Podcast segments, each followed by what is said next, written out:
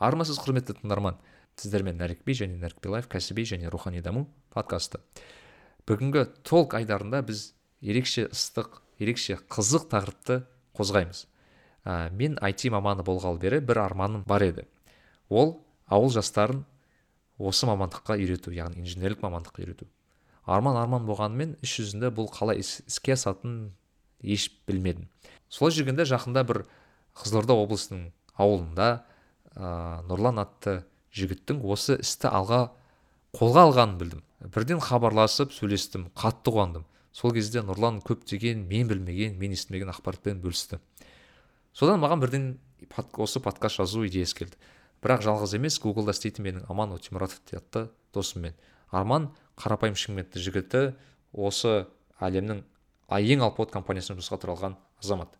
Және де осы қазақ тілді блог жүргізіп айти мамандарға көмектеседі. Бұл подкаст оңай жазылмады. Біз алғашқы рет қосылып подкаст жаза бастаған кезде бұл форматқа үйрене алмай толық ашылмағандай бір сезім болды. Содан бір апта өткеннен кейін екінші рет жазуға ә, бел будық. Сондықтан барымызды қосуға барымызды салуға ә, тырыстық. Ә, енді біздің еңбегімізді бағалайсыздар деген үміттемін. Ал біз бастадық. Нарик билай кәсіби және рухани даму жайлы подкаст. Сәлем достар. Ә, бізде кезекті толк и бір ерекше өте формат. Ә, он, неге ондай екенін қазір түсіндіріп кетемін. Ә, бізде ә, бүгін үш қонақ яғни үш қонақ дегенде екі қонақ мен мен осындай үш адамбыз ғой. Ә, біріншісі нұрлан қарақұлов деген досымыз нұреке. Ассалаумағалейкум қалайсыз? Уағалейкум ассалам жақсы бәрі жақсы. Рахмет.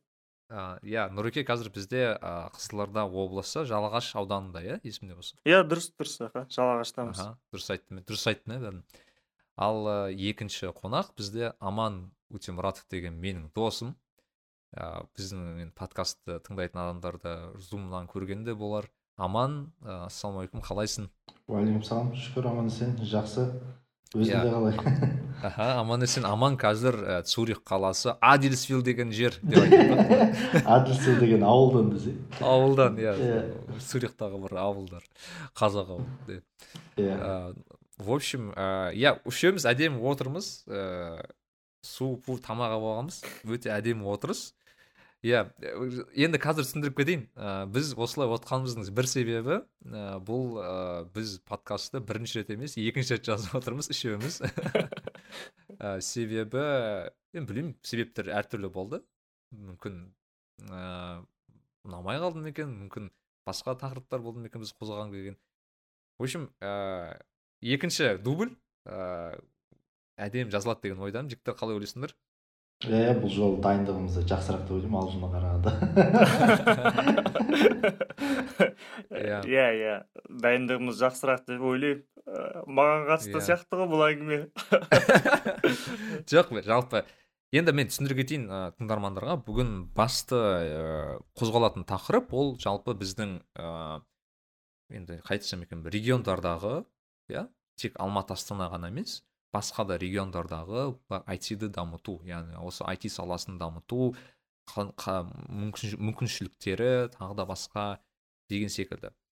Ә, неге осы екі жігітті шақырып отқан себебім мынау ә, нұрлан ә, бізде осы жалағаш деген жерде қазір ә, жалағаш IT деген бір керемет бір проекті бар.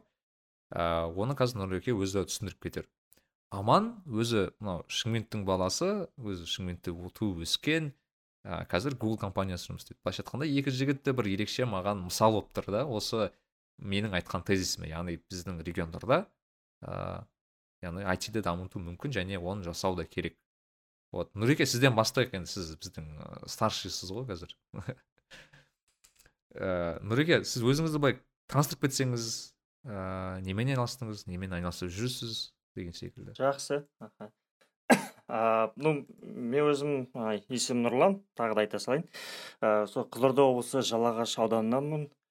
Ә, негізі өзім спортпен айналысқан адаммын өмір бойы ес білгелі жүгірумен айналысатынмын. Ә, астанада қажымұқанда оқыдым. Бес жыл жүгірумен айналыстым. Кейін де еврейскийде сол физкультурникте оқыдым. Төрт жылдай. Көк дипломмен бітірдік. Сосын екі жылдай мұғалім болып лицейде жұмыс жасадым.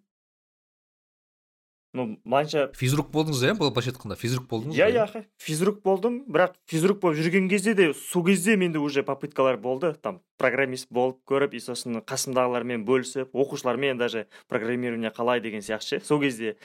Ыыы сосын кружоктарға а қатысып бірінші рет а бірінші рет қанша қа- қанша жаста болдыңыз осы мысалы примерно айти жайлы білген соны программист болу мүмкін екен. Программист енді жалпы программист деген мамандықтың бар екенін ол баяғыдан білесің ғой енді жалпы былай кішкентай кезден деп айтса болады шығар. Білмеймін енді қай жасымда бірінші рет естігенімді. А былай серьезно ден қойып е қой мен мына мамандықпен айналысайын деп ойлаған кезім вот как раз ол мұғалім болып жүрген кезде ну ол кезде ә, мен астанада жүріп айлығым елу төрт мың болды.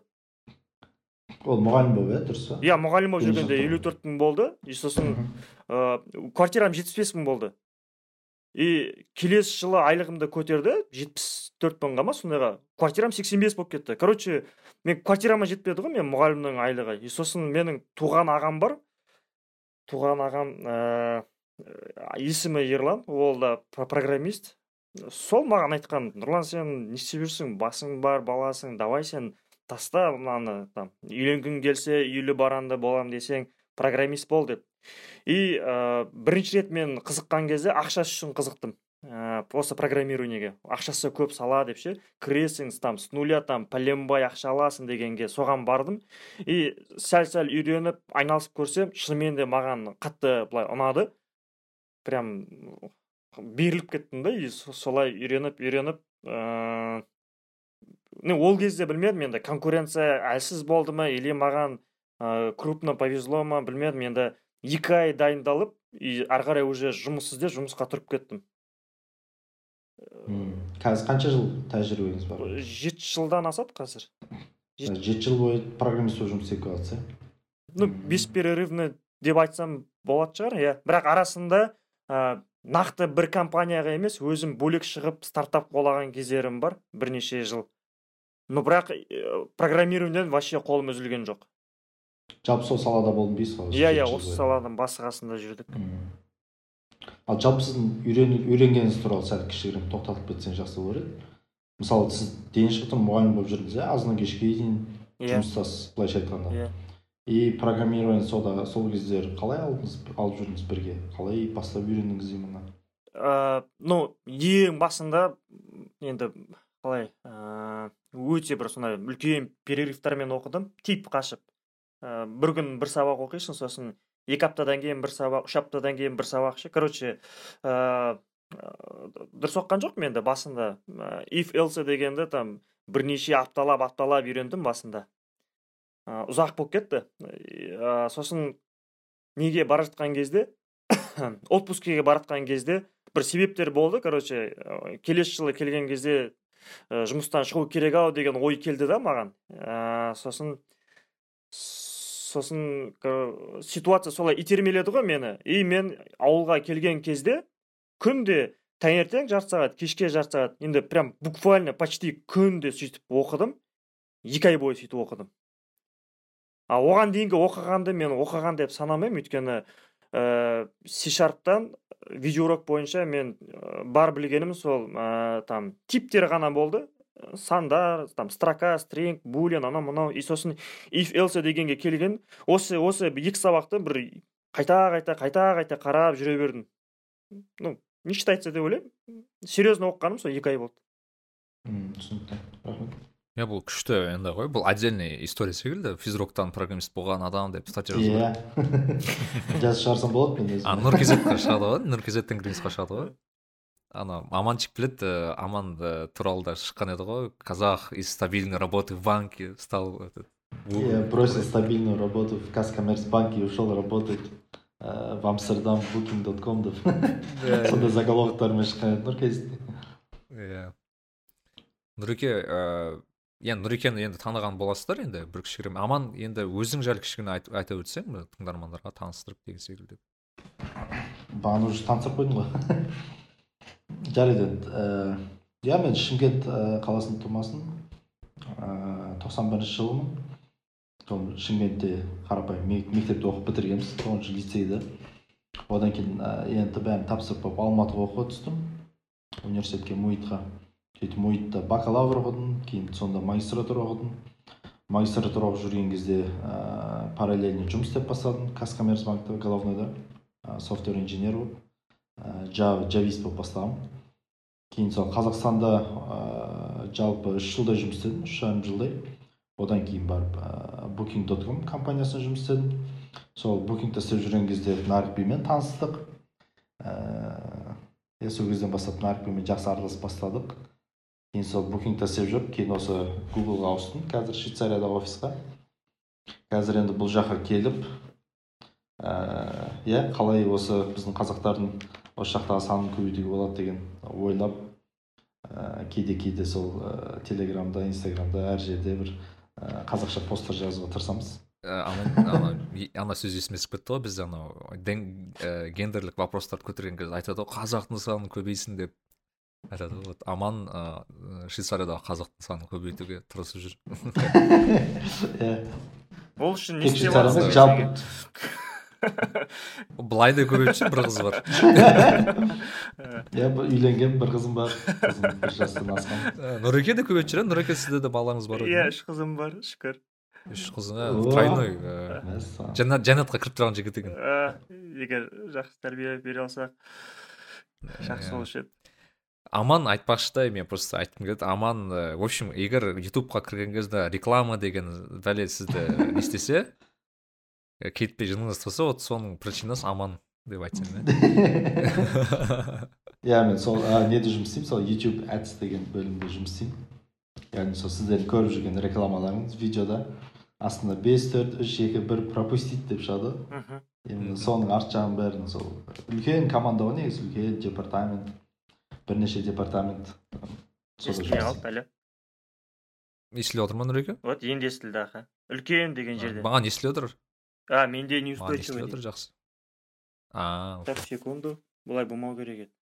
Торрентті өшіріп тастайыншы торрент жоқ менде. Дискорд пен телеграм по чуть чуть по чуть чуть пожирает. Менде өзі екі мегабайт қой ауылда. Оны әрқайсысы там екі екі нөл екі нөл екі мегабайт алса прям ощущается сразу. Бұл отдельный топик екен ана неге ауылдағы ауылдағы интернет деген не бар ғой? Жоқ негізі бөлек топик қылмасаң қазір осы жерде талқылап тастауға болады негізі жаман қатты нервыңа тиеді сол интернет жай болғаны ғой.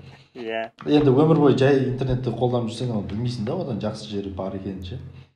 Мысалы мына жақта швейцарияда бізде менде үйде там он гигабит қой. Ол өте көп та. Вообще ештеңені күтпейсің загрузканың несі бәрі. Спокойно видео встреча аудио встреча любойында отыра бересің. Ал неде? Осы қыста отпускке қазақстанға барғанмын шымкенттен жұмыс істеуге. Бір коворкинг центрде жұмыс істедім. Ол жерде сол с- скорость отыз ғана болды ғой отыз мегабит. Өте жай видеозвонокпен вообще почти қосыламайтын зависеть етіп қала беретін ал үйде жер үйде сегіз ақ мегабит еді. Ол вообще аз одан уже просто интернет страничкалар ашылмайтын еді. Иә. Енді ауылда қандай интернет? Нұреке ауылда немен, кіреді осы адамдар интернетке? ADSL ма или там мобильныймен таратып кіреді ма кіреді десең иә? Или там өздеріне спутник қойып алған ба старлинг деген сияқты. И- байқадамда едіге деген жігіт содан сұрасаңыз болады. Может қойып алған шығар старлинг Ә, ол бір заявлениелер жазып там ұсыныстар тастап әкімдіктерге там облысқа әйтеуір көп жерге жазып жазып ауылына интернет тартқызып алды. Молодец. А бізде ауылда ә, мен өзім дәл осы қазір телефонмен таратам. Теле два екі мегабайт ұстайды. Екі мегабит секунд. Ә, ну в принципе маған жұмысыма жетеді. Просто кей кездері осындай конференция кезінде байқалады минустары. А так в целом маған жетеді. Ә, мықты интернеттер ол қазақ телеком арқылы шығар проводной келіп тұрған.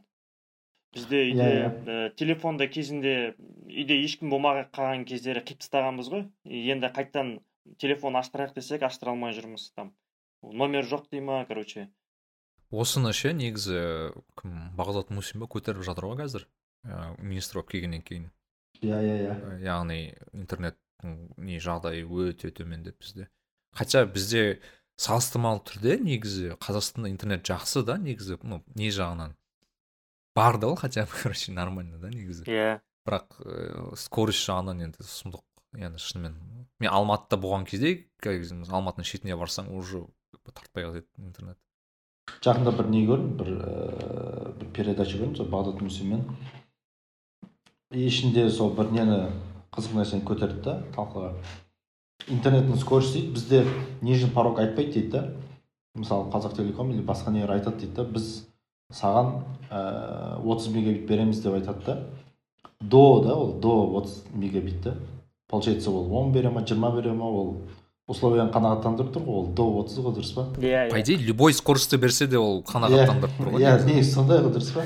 Ал енді бізге ііі бағдат мусин айтуынша енді типа нижний порог қоямыз дейді да. Получается нижний порогпен адамдар уже алатын болады да интернет. Получается сіз бір і, интернет скоростын алатын болсаңыз айтасыз да отыз мегабиттен кем болмау керек деп и ол уже басқаша қабылданады да уже интернеттің качествосы жақсарады менің ойымша.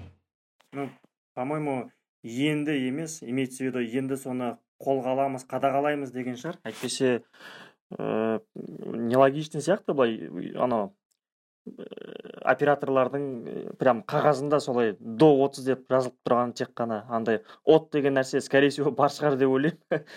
Юридический қағаздар обычно мүмкін бірақ просто менің ойымша ше бір жағынан мен де кейде ойланамын да осы осы маған сұрақ қойды неге бізде қазақстанда сондай жаман интернет деймін да? Иә әрине қазақ телекомның басқа да бағанағы біздің провайдерлардың проблемасы бар бұл жерде бірақ одан бөлек ну блин қазақстан слишком үлкен да былай айтқанда. Еще сондай проблема бар да.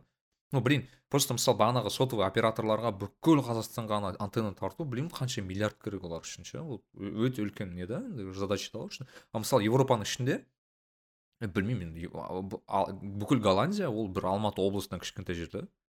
Енді конечно оларда интернет жақсы болады блин кішкентай жер негізі. Иә бір антенна қойса жетеді дейсің ғой бәріне ортаға. Иә.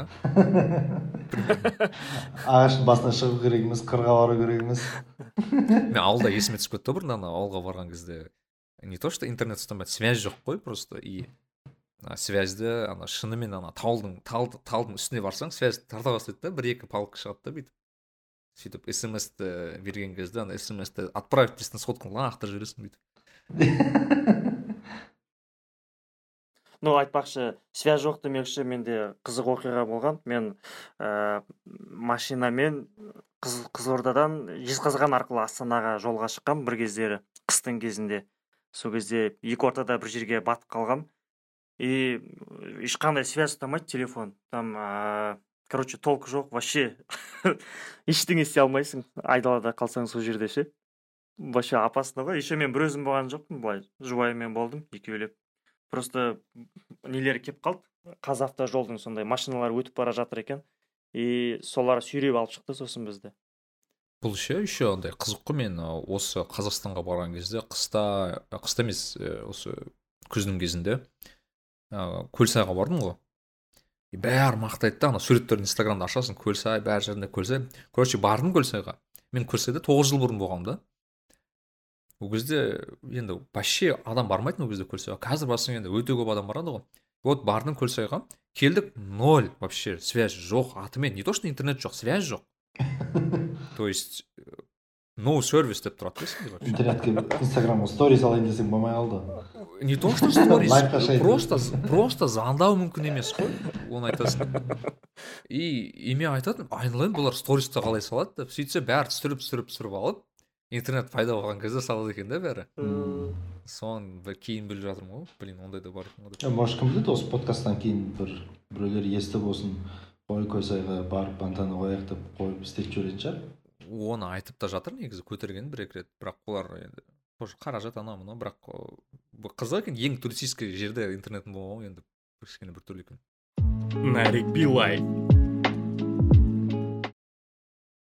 Қой сөйтіп тақырыпқа ә, ораламыз ба тақырыпқа кірейік иә, та- қайтадан оралайық тақырыпқа. Иә нұреке мен ы, Нұ- нұрекеңнің отдельно бір ы, бүгін жұлдыз бүгін бізде.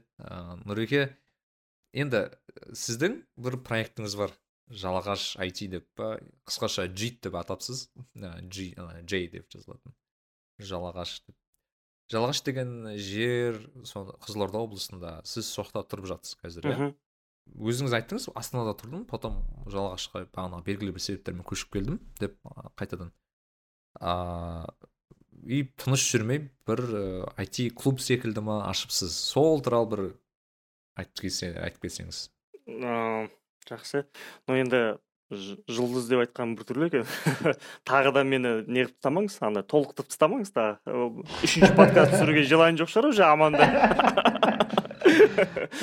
жоқ қызық бүгінгі подкасттың кейіпкерімін ғой короче? Ә, жұлдыз емес да? Ну в общем астанада 19 жыл тұрыппын ғой мен. Алтыншы классқа дейін осы жалағашта тұрдым да кейін жетінші классты астанада бастадым. Қажымұқанда оқып. И 19 жыл сонда тұрып и соңғы жеті жылды программист болып жұмыс істеген болсам и екі мың он тоғызда қайтып келдім. Ауылға қайтып келдім. Ә, қайтып келген соң енді біраз осында қалатыным белгілі бола бастады. Біраз уақыт осында там төрт бес жыл ма білмедім енді. Біраз уақыт деп ойладым. Сосын не істеймін не істеймін деп ше анау кереметтей жаңа сіз айтқан енді жұлдыз дедіңіз ғой енді кереметтей потенциалымды қайда тығамын деп ше ауылда жүріп. Сосын ә, клуб бастайық деп көрдік. Әуелі осындай местный жігіттер болды. Ба, бас- басқа бір бірін танитын сондай ә, таныстары көп былай сөзі жүретін деп айтуға да болатын шығар. Сондай жігіттерге жолығып әңгімелестік әуелі давайте там басы істейді ау деген жігіттердің басын қосып тартайық. Осы ә, IT туралы әңгіме қылайық программирование үйренейік там жұмысқа тұрайық айлық көбейтейік деген общем сондай теманы ортаға тастап тастап жігіттер с- қалай андай? бірден қағып ала кетті. О давай давай деп. Ә, ну әркім әртүрлі дайындықта болды. Біреуі как будто опыты бар адам сияқты кірісіп кетті сразу. Ә, біреулері кішкене сұрақтармен ә, жылжыды. Біреулері қиналып қалды. Әйтеуір ә, бір группаның ішінде әртүрлі адамдар бір он тире он бес адам болып басталды әуелі. Ә, ә, августтерде примерно басталды ау деймін. Августтерде басталды. И ә, қай қай кезде қай жылдың августы? Былтыр былтыр. екі мың жиырмада. Жиырмада? мен ауылға келген бойда. бастаған жоқпын бұны. Түсінді. иә біраз жүрдік енді өйткені нұреке осы қатысқан жігіттер туралы да отдельно айтып кетсең иә осы қандай жігіттер қатысты осы бэкграунд қандай ол балалардың деген сияқты. Жақсы аха. есіне болса сіз бір пожарник жігіттер де тіпті болды деп айтыңыз иә иә иә аха. енді барлық мамандығы есімде жоқ. Пожарник деген жігіт ол самат есімді жігіт. Па- ә, біресе өзінің жұмысына барып жүрді и сменнен бос күндері келіп жүрді. Ә, ну өзі бір жағынан еще футболист былай біздің дәуінбай деген ауылымыздың несі құрамасында бар жігіт. В общем сегіз қырлы форвард десең бір сырлылар ғой. Солар М, так басында біз бастаған кезде ә, көрші бір ә, үйде бастадық. Бізде алты үйлік деп айтамыз. Алты үйлік деген ә, алты үй бір бірімен жабысып қалған ғой. Шағын шағын ше. Көз елестете алдыңыздар ма? былай. Хоум таун деген сияқты болады ғой андай білмедім былай. Басқа қандай бір аналогі бар екен оның в общем сондай алты үй иә, иә. шағын шағын үй. Соның біреуінде біз ә, басында жиналып отырып ана жерде енді энтузиазм ұрып тұрды желание ұрып тұрды. Басында келген кезде бізде ә, даже полда көрпеше де болған жоқ. И ешкім даже айтқан да жоқ ей мына жерде көрпеше жоқ қой деп. Вообще без разницы келіп тарс тарс тарс отыра қалып сабақ өтіп ә, қырғын жүрді енді. Өзім былай есіме алсам негізі өте қызық уақыт болған екен сол кездер. Ә, ноутбук барлығында болған жоқ. Бір ноутбукта бір үш төрт адамнан отырды. Бас жағында үш төрт ақ ноутбук болды. Оның қанша адам болды басында? он тире он бес. Примерно сондай. Ә, бір екі бала бір ноутбукпен отырады бір екі жігіт сол ә, сосын менің өзімде бірнеше ноутбук болды соларды әкеліп жүрдім. Сосын кейін ә, үйтіп бүйтіп тағы екі ноутбук сатып алдым. Сосын ол екі ноутбук қазір де бар енді. Дайындалатын адамдар дайындалып жатыр солармен көз алдымда. Ә, ну бастаған кезде біз ә, енді стандартный деп ойлаймын енді. Неден бастарың білмесең html-ден бастайсың ғой енді. Программированиеде.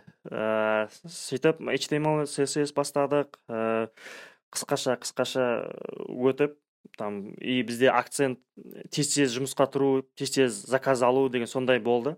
А мен айтқым келгені сонда әртүрлі жастағы жігіттер сіз алдында айттыңыз бұл шамамен бір жиырмадан асқан кісілер болды деп иә негізі? Иә иә. жиырма тире отыз. Енді отыз болған жоқ отыз мен барлығы менен кішкентай болды жасы. То есть жиырмадан маған дейінгілер ғой отызға дейінгілер. Мхм. и бәрі занят иә бәрі жұмыс істейді басқа нәрсе барлығы занят болды. ә, бос бос так так. Ерлан деген бір студент болды ау деймін. Сол ғана жұмыссыз болды. И то оның өзі кейін бір жақтан жұмыс табылып жұмысқа тұрып кетті. Мхм. былай медицина саласы. адам. бос жүрген бала жоқ просто бәрі осы дополнительно үйренгісі келді иә сонда? Негізі ауылда в принципе бос жүру қиын. Андай даже ә, официально жұмысқа тұрмасаң да азаннан кеш әйтеуір бірдеңе істеп жүресің негізі. Былай бізде айтады ғой андай ә, тіршілігің біткенде ғана тірлігің бітеді деп айтады. То есть ә, пока өлмейінше қолыңды обязательно қолың бос болмайды деген ғой. Ә, иә. сондай сөз жақсы біз ана подкастқа дейінгі ана қора тазалау туралы күшті әңгімелескен едік сол сияқты расында солай иә. Мен мен өзім лично дәл осы қазір мен графигімді айта салайын. Примерно таңертең тұрғаннан короче хочешь не хочешь барып там малды шығарып ә, там сиырларды шығарып зауларға шөп салып ешкілерді шығарып қойларға шөп салып там ә, лақтарды қосып деген сияқты бір кішкене бір разминка болып қайтады обязательно. Сосын қайтып келесің да ә, от жағасың ол да там разминканың аяғы кіресің шай пай ішесің сосын уже сөйтіп отқан кезде уже жұмысқа шығатын уақыт болып қалады. Сосын ыыы обедте тоже. Ол примерно қанша қандай қанша уақыт жұмыста қанша басталады ыыы жұмыстың өзі қаншада так басталады так так. Ну примерно жеті он бестерде мал шығару керек. О ерте тұрады екен ыыы адамдар. ну білмеймін. Оған дейін тұрамыз ғой негізі. Енді қой ешкілер сол уақытта тұрса енді сол уақытта тұру керек шығар. Жоқ қой ешкілерден ертерек тұру керек хотя бы там жиырма минутқа чтобы олар ыыы тұрып кетпейінше сол жатқан жерінен шығарып жіберу керек. Пока а ондай ондай қыр сырын білмейді екенбіз енді ну неге екенін айтсам қазір сіздің ә, подкастыңыз плюс восемнадцать болып келуі мүмкін сразу.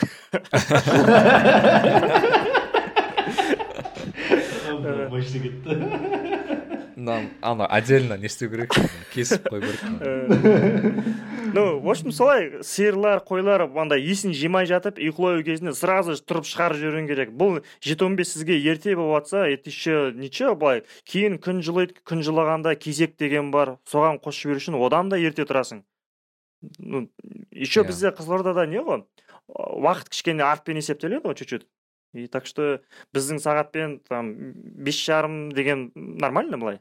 Тұрып сол жақтан тіршілігіңді бастау деген. Ну ә, жалпы жұртшылықта солай шығар. Ну бірақ ә, лично мен ойлап қалмаңыздар күнде солан до того ерте тұрып алып там пахать етіп жүр екен деп. Мен наоборот ә, чуть чуть там жалқаулаумын жоқ нұреке сіз бар ғой. Бізге қарағанда жалқау емессіз да сіз жалғаштың ішінде мүмкін жалқау шығарсыз. Иә иә былай. во кстати өте жақсы нәрсе айттыңыз. Э, не бізде енді ә, мен қазір өзімнің жағдайымды айтамын но бірақ менің жағдайым көбісіне ортақ деп ойлаймын ауылдағы. Бізде ауылда ә, кім пысық десе ол ол пысық адамның образы андай короче. Азаннан кеш үй жақтың шаруасымен жүру керек ол. Азаннан кеш таңертең шыққаннан үй жақтан ана жерден шығып мына жерден шығып максимум сыртқа шықса ол ана жерден бірдеңе там жем әкелу керек там ана жерден бірдеңе істеу. Короче ауылдың ә, күйбең тіршілігінен шықпайтын адам пысық та и а, оның қолынан еще электрик болу керек оның қолынан не келу керек там керек болса там ә, труба жөндей алу керек сантехник болу керек там ветеринар болу мастер керек. на все руки дейді ғой сондай сондай бізде мерка. Осы бәрін айтса программист деген не есіме түспей отыр ты Иә, же иә, же иә. программист деген бар ғой. Принтерді жөндей береді компьютерді жөндейді там лампаны да қояды электричествоны да істейді кодты да жазады бәрін істей береді программисттің просто несі ауылдың ауылдың барларының бәрі тыш программист та маман иә иә иә солай оларға программирование үйрену керек тек болды негізі солай и теория емес мен уже енді кішкене басы қасында жүрген на практике көріп жатырмын. Ауылда қаншама адамда қазақша шығады негізі бас дейтін жігіттер көп. Просто ә, даже новыйдан бірдеңе ойлап шығарып та қажеті жоқ ше? Ә, ауылдан таланттарын шығару үшін ше? Бір енді бір крутой бір программа керек емес крутой бір ну білмеймін енді миллиардтаған спонсирование ол да керек емес негізінде. Ә, просто жақсы жұмыс жасау керек. Енді ә, жақсы мұғалім болу керек деген сияқты ауылға келіп дұрыс түсіндіре алу керек. Ә, силабус болу керек там басынан аяқ кіргенде қандай адам шыққанда қандай адам деген бір четкий видениесі бар сондай бір программалармен и конкретно уақытымен мұнша уақыт жүреді деген. Короче ә, и так бар нәрсені просто идеально жасап қазақшаға аударып ауылға келсе вот сол жеткілікті деп ойлаймын андай мықты мықты кадрлар шығаруға. Өйткені мен ә, көрдім ғой. И менің өзім ә, шет жағасын шығардым деп ойлаймын. Мен дәл қазір есіме түсірсе есіме түсіреді андай ә, бірнеше жігіттер болды. Уже фронтендте мыналар кету керек қой бір жаққа. Тағы бір екі ай и жұмысқа тұру керек қой деп ойлап жүрген ше. Бір екі жігіттер болды. Мә мынау тұрған бэкенші қой деген сияқты ше. Сондай бір біреулер болды. Даже мінезімен там базаның адамы сияқты да. Сондай бір адамдарды көрдім. А мен ә, бір мықты бір мұғалім емеспін ғой енді.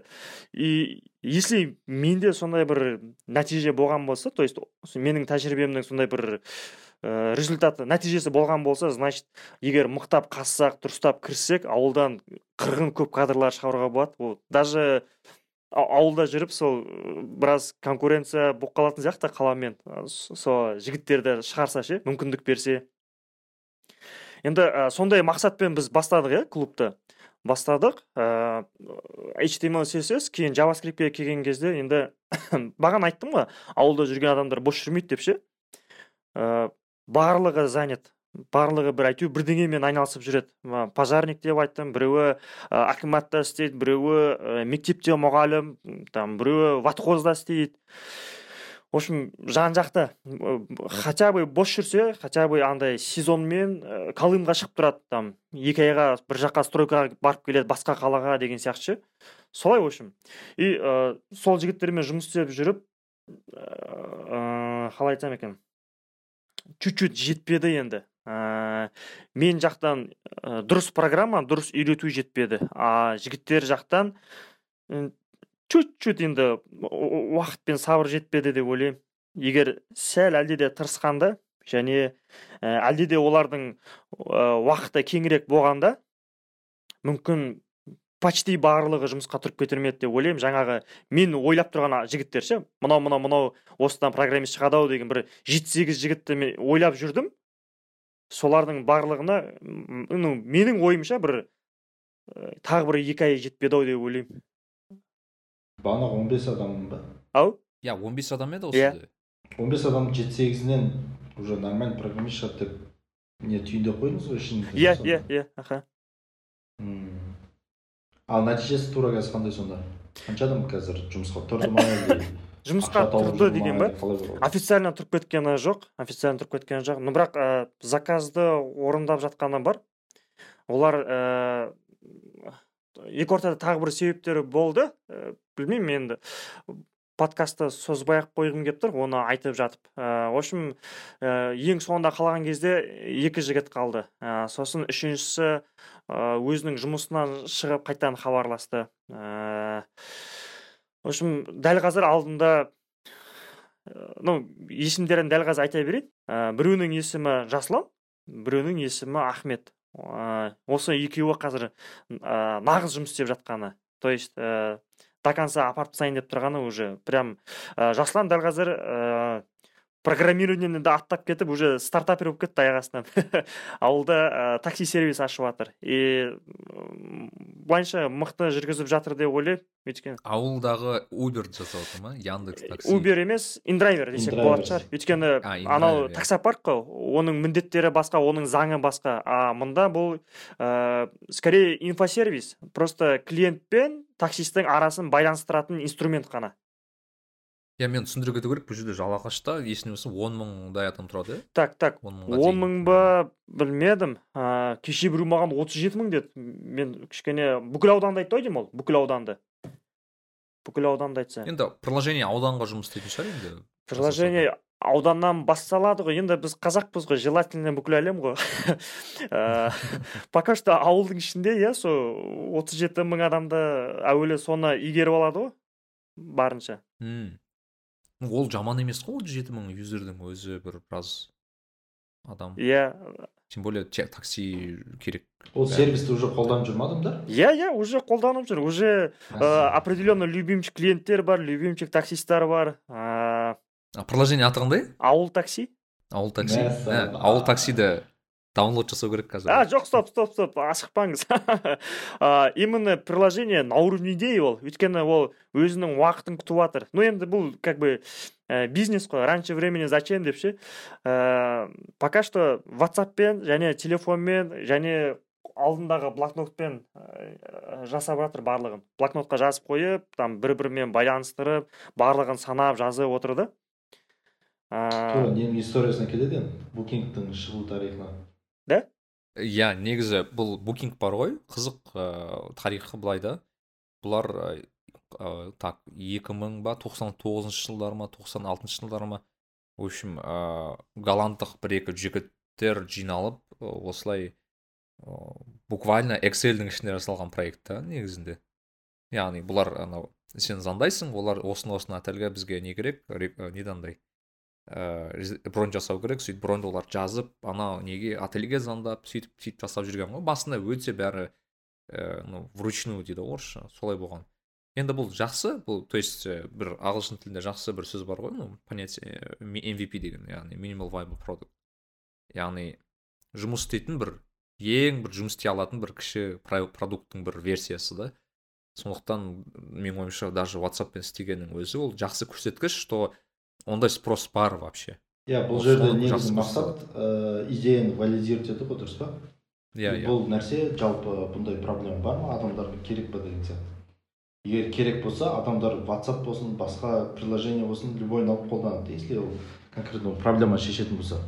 Бұл жерде менің ойымша если whatsappпен жүріп жатса онда неге приложениеға ма бір нәрсеге ауыстырмасқа?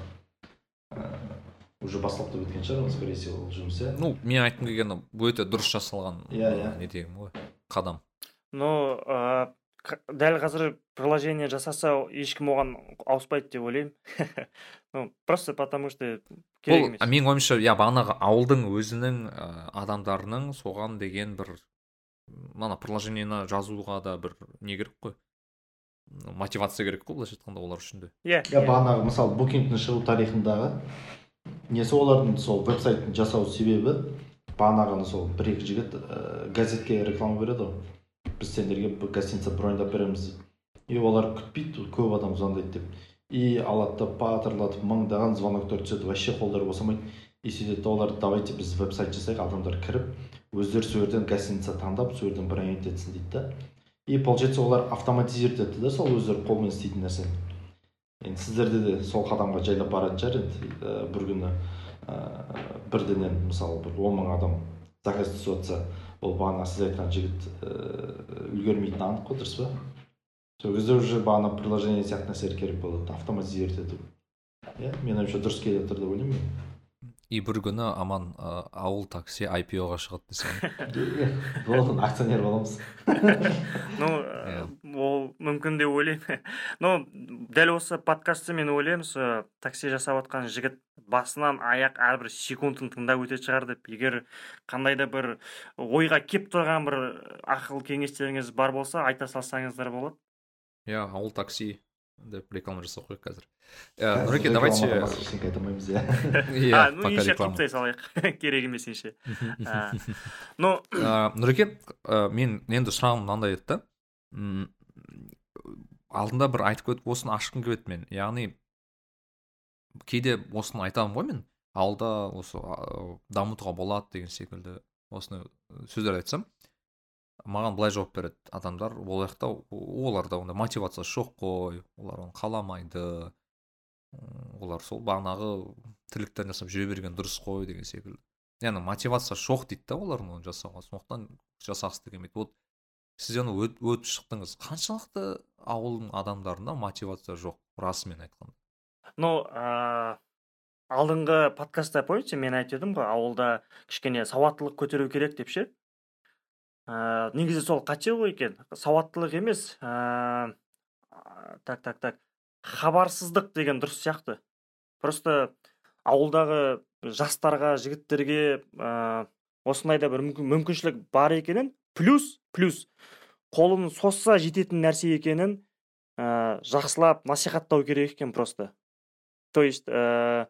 үгіт насихат жетіспейді деп айтсақ иә иә иә иә солай айтсаңыз болады. Жай ғана үгіт насихат емес кішкене бір ә, іс шаралар жетіспейді. Ә, бұқаралық шаралар ше? Көптеген адамдар ауылдан қатыса алатын бір кішігірім ә, хакатон сияқты ше? Но ә, давайте ойлап көрейікші бір секундқа. Егер менде ақша көп болса не істеуші едім деген енді бір сондай бір сұрақтар болады ғой. Егер менде ақша көп болатын болса ә, осы ауылдағы IT саласын дамыту үшін мен акцентті ана неге қоюшы едім осы ә, IT-ге кірісу жасын төмендетуге тырысушы едім то есть барынша кішкентай кезден кірісу үшін ше? Қанша жассың шамамен? Ну мен дәл қазір точно айта алмаймын но бірақ типа андай ыыы бауырым сен тоғыз оқисың до сих пор жеке өз сайтың жоқ па деген сияқты ше? Сондай лозунгтармен ше? Жоқ мен мен меніңше негізі осыған қосыламын мен ә, как раз таки сондай адаммын ғой мен ә, мектепте айналыстым ғой айтсам яғни программирование си плюс плюсты мен ә, так тоғызыншы класстан бастап білдім да негізі. Ыыы мысалы ктл да қазақ түрік лицейлерінде қазір енді биыл деп жатады жетінші класста онан үйретеді яғни ыыы менің ойымша сол жеті сегізінші класста ол әбден мүмкін зат негізінде. Иә ол жерде математика ондай қатты керек емес дұрыс па? Басына бастауға ол жерде больше логика керек та. Hello world сияқты заттардан бастап а плюс бдан бастайсың ғой сен өте бір примитивный заттардан басталады да негізі. Как раз осы адамның деңгейіне шақ келетін. Мхм. Ну менің ойымша одан да төмен қылса болатын сияқты жасты. Просто ә, именно программированың өзін емес какой то бір ә, геймификация арқылы ше ойын арқылы. Мысалға одан да жасы кішірек болса ол білмеймін енді андай. Мысалға анау нені css флексті құрбақаларды секірту арқылы үйретеді ғой анау. Сондай бір сайт бар еді ғой. Флекс фрог деген ба? Естеріңізде бар ма ондай? Ашып көрмедіңіздер ма ол көрмеппін. Ну в общем короче ә, ә, именно c плюстан бастамаса да баланың жасы келмесе де хотя бы ойната берсе там блоктарды жылжыту арқылы ешқандай кодқа тигізбей қолын ше примерно бүйтіп шұқып шұқып ойнатып көріп деген сияқты ше. То есть возможность мен осыған байланысты бір затты қоса аламын да мысалы мен ә, буквально осы бір екі күн бұрын айна досқызы деген бір кісімен ә, біздің блогер осы айтиді дамытып жүрген кісі осы метод деген бір мектеп бар бізде астанада. Тоже программирование балаларға әсіресе үйрететін. Сол кезде айна ханымның тоже бір идеясы болған. Осы как раз таки балаларға геймификация арқылы ыыы программирование негіздерін үйрету деген. Өйткені ол да бір болатын зат та енді приложение арқылы там деген секілді. Сондай бір мүмкіншіліктер бар дегенім ғой. Қанша жастан бастап? Білмейді екенмін қанша жаста бірақ сол ә, мектеп жасындағы балалар ғой точно. Ну мықты екен. Менде осы жерде бір сұрақ негізі бар жар. бір сұрақ бар осы. Мектептер ауылда мектепте информатика сабағы бар ғой дұрыс па? Соларда не өтеді? Жалпы қазақстан республикасы бекітілген несі бар емес программасы сонымен өте ма или бұл жерде не қалай деген ғой жағдай қалай? Мұғалімдер ә, нашар біле ма? Әлде ә, оқушылардың ынтасы болмағандықтан ба? Негізі ә, бірінші класстан он бірінші классқа дейін оқып бітіріп шыққан бала ә, қағаз жүзінде ол программирование біліп шығу керек білуімше дұрыс па? Ну андай бір базовый заттарын хотя бы иә иә, иә. понятияларын мысалы мен өзім жағдайымды айта аламын да мысалы мен тоғызыншы мектепте мен вообще мектеп бітіргеннен кейін де вообще программирование не екенін білмегенмін мен hello world жазып көрмеген адаммын да. Мен hello world университетке келіп бірінші курста бір ақ жазған адаммын да. Оған дейін менде вообще түсінікті болмады да программирование не екенін. И қазір ойланамын мысалы бізде мектепте соны білмеймін енді оқушылар да немқұрайлы қарайтын ә, мұғалімдер де сәл не болып қарайтын ә, информатика сабағына қатты қатал ұстамайтын еді да сол ешкім сол үшін ешкім особо қатты оқымайтын менің ойымша ауылда осы жағдай қалай деп сұрағым келген ғой ну именно ауылда емес жалпы қазақстан туралы айтуға болатын шығар. Ә, ну мен телеграм каналда әртүрлі осы өзіме керек ау деген чаттарға жазылып жүремін солардың біреуі ә, бір мұғалім кісі жүргізетін чат информатикадан. Ә, өзі есептерді береді әуелі сосын есептерді шығару жолын жазып көрсетеді программирование. То есть ә, реально тырысып жүрген бір адамды. Ә, егер айтуға болатын болса аты жөні ержан домақов. То есть білмеймін енді очередной реклама кетті ғой бір. Бірақ мен ол кісіні тек қана осылай танимын. Ол басқа ешқандай таныстығым жоқ досым емес даже түрімізді бір рет болсын көрген емеспіз. Сондай. Но істеп жүрген жұмысы оның ә, маған ұнаған жері екі мың адамдай каналында жазылған. Ә, именно сол олимпиадаға қатысты дайындалатын жері ашып қойғанда ә, есептерді шығарады көрсетеді ә, и арасында курс жүргізді. Курс жүргізді мұғалімдерге арнап көбінесе ше. Ә, маған осы жердегі ұнаған картина то есть қазақстанда ә, ну көп болмаса да мықты тырысып үйреніп біліп жүрген адамдар бар именно информатика мұғалімі да программированиеге қызығып жүрген. Ә, одан кейін ә, дәл қазір білмесе де но бірақ білгісі келетін мұғалімдер бар. То есть давай сен маған үйрет үйрет үйрет сосын мен өзім оқушыларыма соны үйретейін деген сондай подходтағы мұғалімдер де бар ше? Ну мен үшін бір білмеймін жарқын болашақтың бір несі сияқты бір сәулесі сияқты. Егер ары қарай дами берсек былай келеге келеді деп ойлаймын барлығы. Но ә, жалпы есепте оның ар жағындағы сыртындағы круг слишком үлкен ғой. Енді программированияны білмейтін де және дұрыс үйретпей жүрген кісілер де енді бәрі жақсы бәрі жақсы деп енді жасыра алмайсың ғой бар екені рас ә, жағдай біраз қиын. Мен енді өзім жайлы айта аламын да мысалы мен хоть мысалы мектепте үйрендім программирование бірақ оны ыыы үйренген белгілі бір аудитория ғана да негізінде. Яғни менің жағдайымда мен ә, программированиядан информатика пәнінен резервке жазылдым олимпиадалық. Мхм. Және де ә, маған сабақ берген университеттің адамдары болды.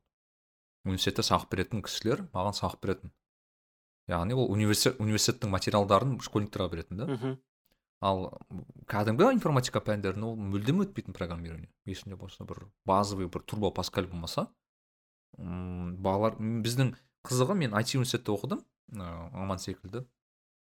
Мен мектебім жүз жетпіс үш деп аталады. Тоже бір қалалық физмат мектеп. Бізде көп балалар енді жүз жиырма бес жүз жиырма үш жүз жиырмадан бәрі жоғары алған балалардың бәрі жақсы оқитын балалардың бәрі сол айтиға түсті көбісі. Бірақ қызық түскеннен кейін бәрі ретейк алып бағанағыдай летникқа түсіп бағанағыдай қиналып жүргенде да неге десеңіз ал жақсы оқитын оқиды ғой бірақ программирование білмейді да и бағанағы инженерлік сабақтарда бағанағы алгоритмы деген сияқты сабақтарда просто енді көтере алмайды өйткені білмейді не екенін. И ол бір шынымен бір проблема болатын. Себебі вроде физмат мектеп қой негізінде. Бірақ соның өзінде білмейді. түсінесіз? Яғни физмат мектебінің өзінің жағдайы сондай болса мен білмеймін кәдімгі мектептердің жағдайы қандай екенін. Менің ойымша бұл жерде бірінші кезекте сол м сол сабақты беретін адамдардың деңгейіне байланысты секілді. Өйткені мысалы мен есімде ә, маған енді официально программированиеден ә, информатика сабағынан беретін бір екі жігіт болды да бір. Олар бір педагогикалық университеттен келді қай бір ұмытып қалдым қай яғни педагогқа оқыған информатика пәнінен енді мен жамандап тұрған жоқпын бірақ все таки ана педагогқа оқыған балалардың деңгейі білініп тұр да білмейтіні. Яғни қағаз жүзінде не үйрету керек? Примерно соны үйретеді да қалған уақытта там ерігіп отырады. И көбісіне білмеймін біз біздің балалардың көбі ә, там ыыы контр страйк ойнайтын просто неде информатика пәнінде или мортал комбат сияқты иә мортал мысалы аман мортал комбаттан мощный болып кеткен содан информатикада ойнап яғни айтқым келгені бір серьезность жоқ та. Менің ойымша серьезность осындай ә, отношение бар ғой. Яғни жоқ жоқ болудың бір себебі ол біріншіден мұғалім екіншіден бір нені көрмеу да мүмкіншіліктерді көрмеу оның артында. Яғни егер де менің ойымша егер мұғалім даже білмесе ал ә, оқушы білсе оның керек екенін ол мен ашып болсын айтады ұрсып береді ғой кімге мұғалімге. Неге сіз бұны маған үйретпейсіз деп мысалы да. Менің ойымша сондай секілді екі жақтан да. Яғни үгіт насихат та жоқ оның керек екеніне. Ну енді бұл вообще өте комплексный шешілетін нәрсе ғой және шешілу- шешілуі жылжуы өте қиын нәрсе. Жалпы ну бірақ біздің қолымыздан келетіні насихат деп айтсақ болады шығар. Біздің қолымыздан келетіні мысалға ә, бір олимпиадалар ұйымдастыру әдемі әдемі. Сол олимпиадалар ә, ұйымдастырып және ә, бір тақырыптар беріп алдын ала мысалға ә, енді детально попунктно емес глобально там алдағы уақытта біз php дан олимпиада болады мынандай лейблді деген сияқты ше. Примерно солай ғана бір өзіміз көмектесе аламыз деп айтатын шығармыз. А так именно осы мәселені қалай шешу керек десеңіз ол слишком комплексный э, тірлік сияқты. Иә просто бұл ы, ойлануға үшін ғой просто бізді Мен енді анау- болса деген секілді. мен фейсбукта мұғалімдердің де чаттарында отырамын бір жүз жиырма мыңдай осы қазақстанның мұғалімдері деген чат бар. Адам ішінде толып отырады. Солардың проблемаларын тыңдасаң ну көп нәрсе ә, ана жақта. Бір жағы шешіліп жатса бір жағы құлап жатады оны көтеріп жатса мына жағы құлап жатады в общем біраз мәселе көп ол жақта. Мектепті қалай көтереміз деген э, страшный сұрақ. Нұреке сіздің бағанағы жалағашқа келетін қайта қайтып келетін болсақ та аха. яғни ә, менің ойымша сіздің мынау жасаған ісіңіз өте бір керемет да? Неге? Өйткені біз сіз шегі бар дейді ғой енді ограниченный ресурс дейді ғой. Солармен ә, буквально бір төрт айдың ішінде ә, жұмыс істей алатын примерно проект жасай алатын бір балаларды дайындапсыз да. Бұл бір керемет көрсеткіш деп ойлаймын да. Неге? Өйткені программирование курстар негізі мысалы университеттің немесе басқа да біз енді университет төрт жыл оқытады соған енді көп балалар мысалы университетті бітіріп программистқа жұмысқа тұрмайды да.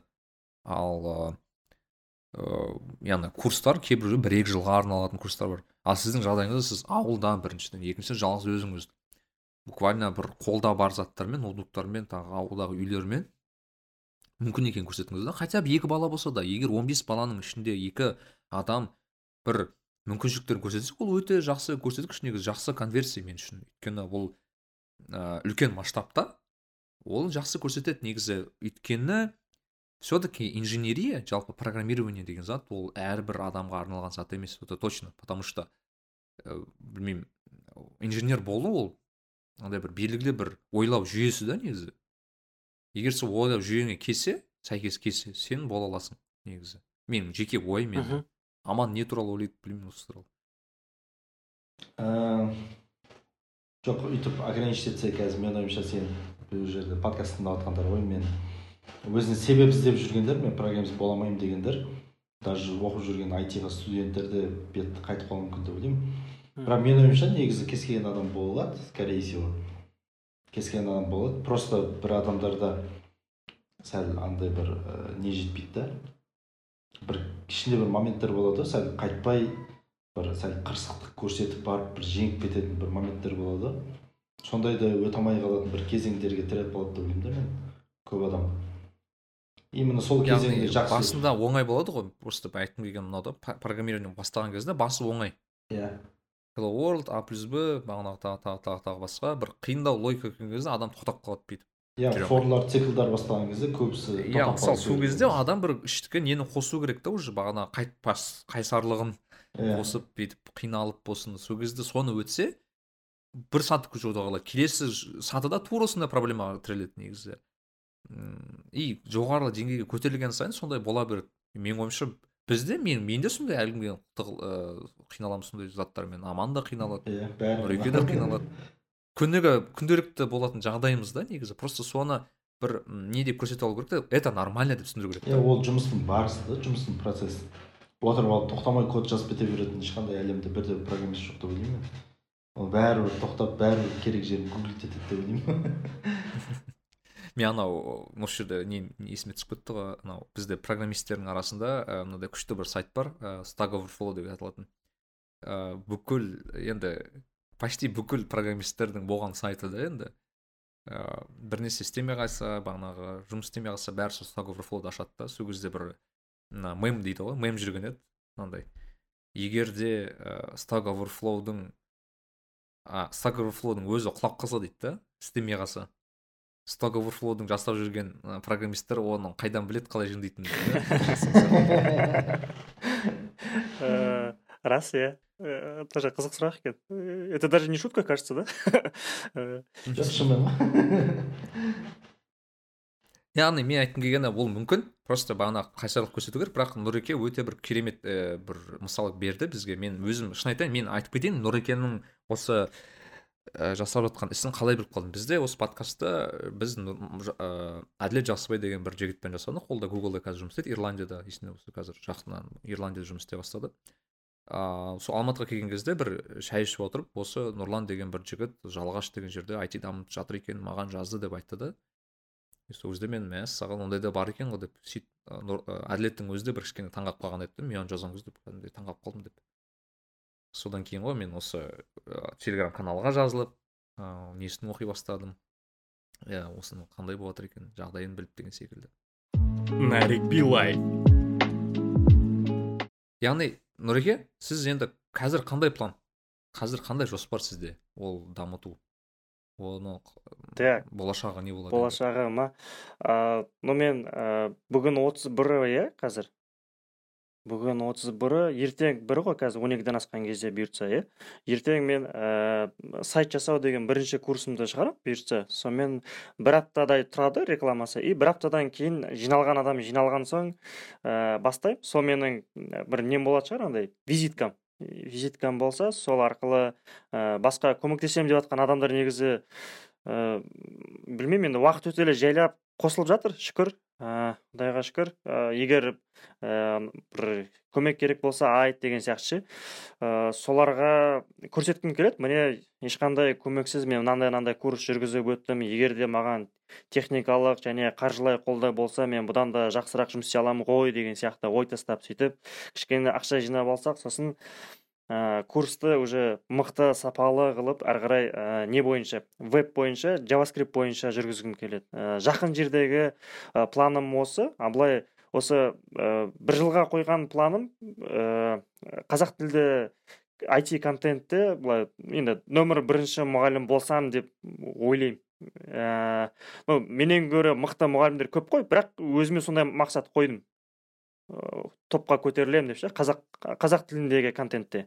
Иә бұл өте жақсы зат қой негізі ну амбициозный жақсы мақсат. Неге оны жетпеске? Мен тем более қазақ тілді контент мен енді қазақ тілді контент жасап жүрген адаммын ғой. Қазақ тілді контент настолько жоқ. Бізде подкаст болсын бағанағы білім бағанағы материалдар болсын. Ыыы чуть чуть бар ғой сіз уровеньда жасасаңыз даже. Соның өзі бір біраз адамға жетеді негізі. Сон- сондай бір замандамыз қазір өкінішке орай. Ну өкінішке орай емес. Ну лично мен өзімнің принципім мынандай енді еркек болған соң жұмыс істеу керек деген ғана бір ақ правило бар. Ол любой заманда там жағдай керемет заман болса да еркек жұмыс істеу керек. Жағдай нормальный болса да еркек жұмыс істеу керек. Егер жағдай өте нашар болса да еркек жұмыс істеу керек. То есть ә, м, маңызды емес сияқты даже. Жағдай қандай. Ә, көре берейік деп ше? Аха. Нұреке мен сұрағым келген бағанағы курс ол онлайн курс бола ма сонда әлде қалай? Так иә онлайн болады. Сосын ә, мен өзімнің ә, ұстанатын бір екі принципім бар дәл қазірге. Ә, енді принцип те емес қатты подход десем дұрыс шығар. Ә, теорияны тегін қылу деген ше теорияны тегін қылып сосын практиканы ғана ақылы қылу. Мысалға ә, мен жүргізетін курстарды адамдар тегіннен тегін ютубтан қараса да болады. Ютубтан қарап ә, просто ол жақта мен сұраққа жауап бермеймін да. Ал кім ә, ақылы түрде болса ол бөлек чат ашылып соның ішінде бүкіл сұрақтары міндетті түрде қандай да бір уақыттың ішінде жауап беріліп отырады. То есть ә, адам ақша не үшін төлейді? Ә, уақытын ұту үшін интерактив үшін төлейді ғой? Реальный практика үшін төлейді. А ютубта кейбір жерлері жетпей қалуы мүмкін. А, кейбір жерлері айтылмай қалса ол практикада сұрақ ә, сұрақ қойылып соның жауабы алынуы мүмкін. А оны ә, өкінішке орай кім тегін қарайды сол көрмей қалуы мүмкін. Но тем не менее бір өзіне бір керек ау деген бір екі жерін көріп қалуы мүмкін. И сұрақты сол ютубқа қойса мен уақытым болған кезде келіп жауап беріп кете саламын. Просто міндет емес маған дәл сол кезде жауап беру. А кім ақшасын төлесе ол мені уже міндеттеп алды өзіне андай. Сұрағыма жауап бересің міндеттісің деп ше. Енді бұл ә, не ғой уақытыңызды бағалау иә иә иә. Иә. солай. Сол сосын ал қаншалықты қолжетімді болады деп ойлайсыз? Бұл ну сіз примерно қанша деп қойып отырсыз? бағасын ба? ну иә. қолжетімді болмай қалады ау деп ойлап жатырмын сол. Негізі ә, шамамен екі аптадай курс болса мен былай ойлап ойлап енді оптимальный бағасы енді түскен жерім осы деген сияқты ғой. Ә, примерно он жеті мың. Ә, кім одан да аз қылшы десе е, бесплатно қарай берші. Солай жақсы сияқты. Өйткені мен ә, қалай айтсам екен ә, поддержка жасайтын болсам тек қана полноценно жасаймын ғой. А ол уже не емес та. Ыыы, уақытты енді сол кісіге арнайтын болған соң ол ақысы да сайма сай болған дұрыс сияқты да. Сол себепті примерный бағасы сол. Иә он жеті мың деген нормальный сияқты өзгеріп кетуі сіз, мүмкін бір, сіз бірақ тура қазір ә, бағанағы үйретіп шыққан 15 адамымыз бар ғой жұмыс істеген. Иә. Оларға тегін мұғалім болдыңыз ғой Иә, Или иә. ақылы болды ма иә иә. Жоқ тегін бұл толықтай. Ал теория ол кезде ешқандай ондай сабағыңыз болмады? иә өзіңіз басынан бастап там күніге соларға үйретіп мынаны былай істеген былай істейік деп иә иә иә. Программаңыз болмады ғой сонда? Программа болған жоқ. Біз ана немен жылжыдық қой? Басында яндекс практикуммен жылжыдық. Сосын html академи- академияның тегін бөліктерімен. Короче не нәрсе тегін сонымен жылжып көріп жаттық. И сосын по пути ана htmlblog.ru-дың справочнигі бар емес па соның ішінен а, танымал дегендерін өзім таңдап алып мынаны мынаны оқыңдар деп беріп жіберемін. Сосын қайтып келіп айтады тапсырады. Солай жылжып жаттық. Ана жерде тоқсан пайыз импровизация болды ғой ана жерде. Мен айтқым келген ана если что аман google клаудқа скидка тауып береді деп Google Cloud деген мынандай нәрсе ма? Ә, как раз яндекс практикум сияқты жасауға болатын не ғой да? Мысалға студенттер әрқайсысы өзінің бір гитхаб аккаунттарымен тіркелсе сосын өзі мына жақтан бірдеңе жасаған кезде соның результаты ә, серверде қотарылып нәтижесі шығып отыратын тіркеліп отыратын. Ту- тура сол лид код сияқты мысалға. Просто более оңай түрі ә, төменгі уровеньге арналған бигинерге google cloud деген больше AWS секілді емес па амазонның amazon веб сервисі секілді емес пе иә аман? Иә мен өзім веб сервис ешқашан қолданып көрмеймін. AWS те қолданбағанмын google Cloud-ты қолданбағанмын аман pskz-ді қолданды мен хостер жоқ мен, мен, өзім сөйтіп түсінемін иә. Просто бір сервер деп түсінемін какой то бір сервис атқарып беретін А, нұреке просто мен қазір ойланып отырмын да. Негізі мен қазір осы көптен бері өзім енді осы подкастқа да басқа да контент жасап жүрген адамдарға да қазір краудфандинг деген затты енгізгім келіп жатыр да. Яғни ол мынау біз мысалы мен подкаст жасаймын иә. Подкаст ол мүлдем тегін зат. Мхм яғни мен ешкімнен ақша сұрамаймын ешкімді прям қинап не істеткізбеймін ыыы бірақ есесіне мен өте көп қаражат бөлемін бір екінші өте көп уақыт бөлемін. Ол қаражаттан да артық мен Мгм. ең қымбат уақытым кетеді иә иә. Қанша еңбегім кетеді. Иә бірақ мен бұдан ақша ешқандай андай бенефит көрмеймін да. А, тек бір білмеймін адамдарға тек пайда беру да негізі. Бірақ ондай проекттер ұзаққа шыдамайды негізі. Иә иә. Ә, сіз айтпақшы өйткені адамға мотивация керек. Ол мотивация ол ақшалай болсын басқашалай болсын келу керек бір жағынан. Көбінесе ә, ақшалай өйткені кететін расходтар бар. Мхм и қазір ә, менің достарым бар осы данияр жігітбек деген досым бар тағы да басқа достарым бар. Олар сол донейшнға ашық та яғни донейшн дегенде краудфандинг көбінесе. Яғни ол айтады мен контентті жасаймын бәріне тегін бірақ ә, маған осынша қаражат керек деп айтады да. Яғни белгілі қаражат керек та адам оны жалғастыру үшін. И оған қатысатын адам бар қатыспайтын адам бар оны тыңдайтын адам бар тыңдамайтын адам бар. Адамдар просто ол проект жүру үшін береді ә, ақшасын да. Ә, сіз сондайға ашықсыз ба жалпы? Егер ә, халық жағынан қолдау болса менің ойымша қолдайтын секілді да бұндай проекттер. Ашықсың ба дегенде а, ну в принципе конечно жақсы ғой. Поддержка болғаны жақсы ғой. Ашықпын деп ойлаймын енді. Дұрыс түсіндім ба сұрағыңызды? Қалай мен сонда ашықпын дегенде? А, егер солай яғни мысалы көмек- сіз егер егер сізге мысалы айтса мен қазір каспиіңе осынша ақша жіберемін айналайын жасай бер бәрін ашық қыла бер тегін қыла бер тоқтатпа десе мысалы сондай. Иә иә. Мықты болушы еді. Но бірақ мен ана келіп жатқан адамдардан по любому бірдеңе төлеуін талап етуші едім ну оны азайтып он жеті мың теңге емес айтайық бір бес мың теңгеге түсіріп тастасақ иә иә иә. Мәселе ана неде ғой? Ә, қалай айтсам екен? Адамның өзінің бір келуі иә яғни бір ең болмаса бір ыыы қолдан бір ақша беріп яғни бір мотивация болады ол да иә ол өзінің мотивациясын бірдеңемен былай бірдеңемен бекіткені керек маған. Ол хотя бы ыыы ақшамен емес басқаша басқалай төлесе де білмеймін енді инстаграмға рекламаны жүргізіп бере ма өзі мысалға кейде болып қалады біреулер айтады е мен ә, маркетологпын давай мен рекламаңды жасап беремін бірақ маған сен программа үйре- үйретіп тұрсайшы мен қатысып тұрайын деген жоқ. Примерно сол сияқты әйтеуір бірдеңе төленгені керек. Ол мен үшін емес ол істің жүруі үшін. Маған не принципиально оның ақша болуы просто ә, киген адам ол дайын асқа тік қасық болып келмеу керек та. Иә. Ол онымен келісемін енді әрине. Аман өзің не ойлайсың осы жайлы?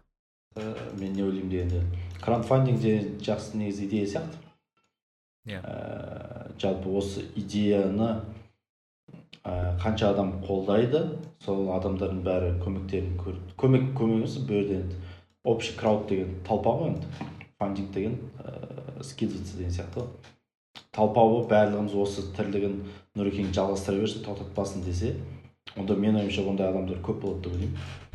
Ә, сөйтіп ә, осы іс жалғаса беруіне тілектес болатындар. Сөйтіп ақ проектін жүргізе берсеңіз болатын сияқты менің ойымша нұреке иә өйткені мен просто білемін. Нұреке өзінің негізі жеке жұмысы бар. Мен білсем бір ірі бір компанияда тоже жұмыс істейді енді удаленно иә яғни үйде мхм Ә, так мынандай болды. Ә, жұмыс істеп жатқан жерімде ә, алдында сіздердің бірінші подкасттарыңыздан кейін бар емес пе? Мен біраз ойландым ойландым да. Негізі сол кезде мен түсіндім мен ә, кішкене сдавать етіп қойған екенмін. Ә, андай бір картинка болушы еді ғой бір үш адам біреуі бір метр қазып туннельді артқа қайтады. Екіншісі екі метр қазып ана ар жағында ана бриллиантқа чуть чуть қалғанда бір метр қалған кезде артқа қайтып кетеді а біреуі до конца қазып алады деп ше. Мен сол екінші сурет болған екен да былай чуть чуть қалған кезде мен қайтып кетіппін ғой деген сияқты ше. Енді қырқына шыдап қырық бір қалғанда беріліп қойыппын деп ойладым да. И сосын ана жұмыстағы адамға түсіндірдім сол жағдайды. Короче ә, сөйлестік сосын ол өзінің ризашылығын білдірді. Сосын мен оған бір жақсы бір сыйлық жасадым. Ол в общем довольный болып сол кезден тарқадық. Ә, мен енді о- сондықтан содан мен сонда сіз бірінші подкастты біз осы жайлы сөйлескеннен кейін сіз просто жұмыстан мен кетемін. Осымен айналысамын деп айттыңыз ба сонда? Иә.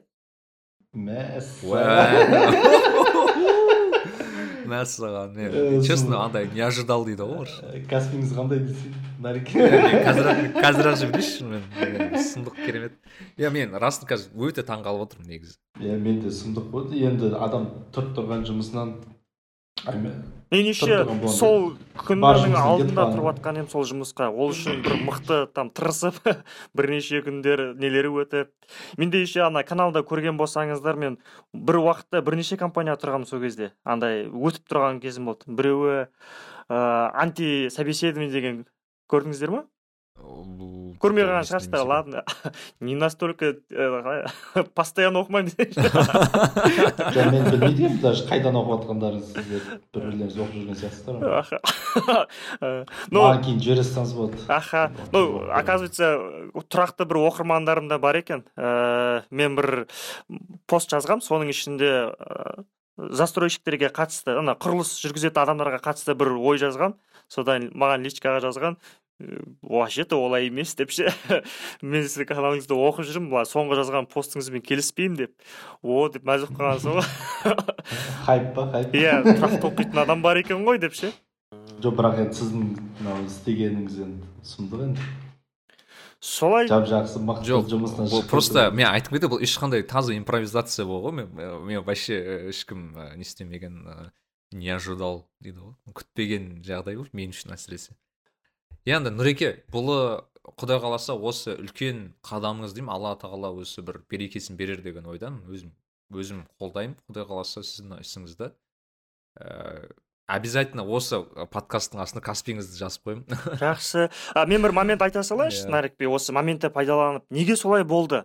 Өйткені ә, жалпы мен мына нәрседен ешқашан көңілім қайтпады. То есть осы бара жатқан жолымның дұрыс екеніне мен бетім қайтқан жоқ еді. Ә, өзімнің құдай қаласа өсіп жетем ау бір деңгейім жетеді ау деген одан да бетім қайтқан жоқ еді. Мен ә, жұмысқа тұруға мұқтаж қылып тастаған жағдай ол енді біраз уақыт бойы осымен жүрім жүрім жүрім уже ә, мамам да андай әзілдеп дастархан басында сұрайтын болды да қалай балам ә, пайдасы жоқ болашағы зор жұмыстарың қалай болып жатыр деп ше. Но мен анандай қылып айтамын ғой енді. Мама біз осылай осылай жасау керек сосын былай сосын былай ой сосын былай болып кетеді деп. Короче ана жерде бір инвестордың алдында тұрған сияқты қорғайсың ғой істеп жүрген жұмысыңды. Ә, солай айтсасың болашақта осылай деп айтып жатсаң уже бір ай айтасың екі ай айтасың үш ай айтасың. Сосын уже жайлап түрте бастайды ғой енді че там деген сияқты ше былай. Уже ә, мойынға жан жақта міндеттер жиналып қалды. Сосын ә, уже сол жаққа мені тірлік сүйреп кетті ғой короче жұмысқа тұру керек деп ше уже. Сондай вынужденный мера болған. Мен ә, қой мына тірлік жүрмейді екен деп негізі тастап қойған жоқ едім да. Бұны айтып отқан себебім мүмкін тағы да біреулердің басында дәл осындай оқиға қайталанады деп ойлаймын. Как раз осы ауылда жүріп как раз осы айтимен бірдеңе шығарам десе мысалға ол мейлі ол үлкен болсын кіші болсын жеке басының ғана пайдасы бір жұмысқа тұру болсын. Енді чуть чуть қалған кезде басқа бірдеңе тартып кетуі мүмкін деп ойлаймын да. Мысалға там сәл қалған кезде там ә, заправкаға жұмысқа тұрып кеткісі келе ма? В общем бір жан жаққа тарт, тартып тұрған болса осы менің үлгіммен енді до конца басып көрсін деп айтқым келеді да может мұрнының ұшында тұрған шығар келесі нәтиже құдай қаласа кім біледі? Сол үшін айтып жатырмын да мені не үшін бұрылған едім осыдан бір кішкене уақыт бұрын. Иә. Сізде енді бұны қалай скейлд ету жағынан қалай қандай масштабировать ету масштабировать ету. Қазір енді сіз тек жалағаштың ішінде ғана он бес адаммен эксперимент жасап көрдіңіз былайша айтқанда. Енді басқа ауылдарға қалай? Менің ойымша мына подкастты мысалы басқа ауылдан басқа регионнан жалпы басқа жерде тыңдап адамдар болса оларда қызығушылығы пайда болып ә, сізді іздей бастайды да. Иә маған өйткені өте көп жазады мысалы иә. Қайдан іздеуге болады сізді деп айтса. Или сіз басқа региондарға қалай масштабировать ету пландарыңыз бар ма? А ну ә, масштаб енді айти болғасын онлайн шығар масштабымыз. А былай іс шаралар жүргізу үшін бір бірімізге қонақ болып барып қайтсақ та болатын шығар. Командамен. Ол уже ә, бірнеше курстар өткеннен кейін ә, бір хакатонға қатысатындай чуть чуть деңгей алған кезде солай буткемптер ұйымдастырып солай андай оп, обмен опытын жасап сөйтпесек ә, былай именно мен бір өзім барлығын үйрету деген ондай ойымда жоқ негізі. Ә, онлайнға шығып қайта ә, так так так. Онлайнда қазір жайлап конкуренция пайда болып жатыр деп ойлаймын. Менің чатымда да отырады ғой өзіміздің өзіміздің енді жігіттер қазақтар біреуі там корейде оқыған біреуі там басқа жақта сол ктл да оқыған жігіттер бар. Жаңағы едіге мысалға ә, бір чатта отырмыз әркім өзінің рекламасын ара арасында жасап қояды. Самый главный ә, ашықпыз ә, бір қалай енді жа, андай конкуренция былайынша таза әділ әдемі жүріп жатыр деп ойлаймын. Әркім өз жағын жылжытып жатыр ғой. Сол аяқта негізі тарала береміз деп ойлаймын бір чатпен ақ. Бас жағында. А, именно менің тарауым ондай мақсатым жоқ еді. Былай именно авторлық курсым тарасын деген. Маған лишь бы ә, бүкіл қазақстан айти көтеріліп кетсе болды ғой. Ол менің курсымнан көтеріле ма басқа біреуден ба? Ол жағы маған без разницы былай. Маңызды емес. Әйтеуір оқысақ болды. Иә бұл жерде енді менің ойымша бір жауапты бір адам болады да. Мысалы бағана краудфандингтен де сізге жақсы қолдау болып жатса сіз осыны алға ары қарай қалай жылжытар едіңіз? Мүмкін соны кейін өзіңіз ойланып көрсеңіз болатын да шығар. А енді түсіндім сұрақтың астарын. Иә иә иә. Оны бір ауызбен дәл жауап бере алмайтын шығармын. Иә иә кейін өзіңіз көресіз да ойланып қалай болатынын. Аха. А так негізі ә, масштабирование міндетті түрде ғой ол ә, дәл бүгін болмаса да бір буквально бір жарты жылдың ішінде мұқтаж болып қалатын сияқтымын ғой масштабированиеге оған жетпей ақ та даже.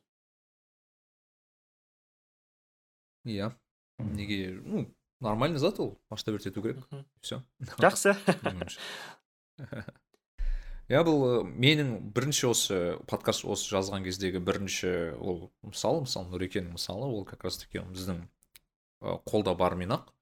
айтиді дамытуға болады. Және де IT дамыған кезде де бағанағы ауылдың жастарының деңгейін көтеру біздің жастардың осы әлемдік на- ы, жұмыс нарығында бір өзінің орнын алу деген бір мақсат қой бұл бірден бір өйткені қанша дегенмен бізде экономикамыз бағанағы бере алмай жатыр да енді өз деңгейде мысалы барлық региондарға жетпейді деген секілді сондықтан а, қазір программист деген өзі бір а, ешқашан жұмыстан айырылмайтын жұмыс деп айтсам болады иә негізі инженердің жалпы жұмысы. Иә шынымен де. Құдай қаласа аманшылық даже болса. мысалы осы иә мынау осы карантиннің кезінде көп адамдар жұмыстан айырылды.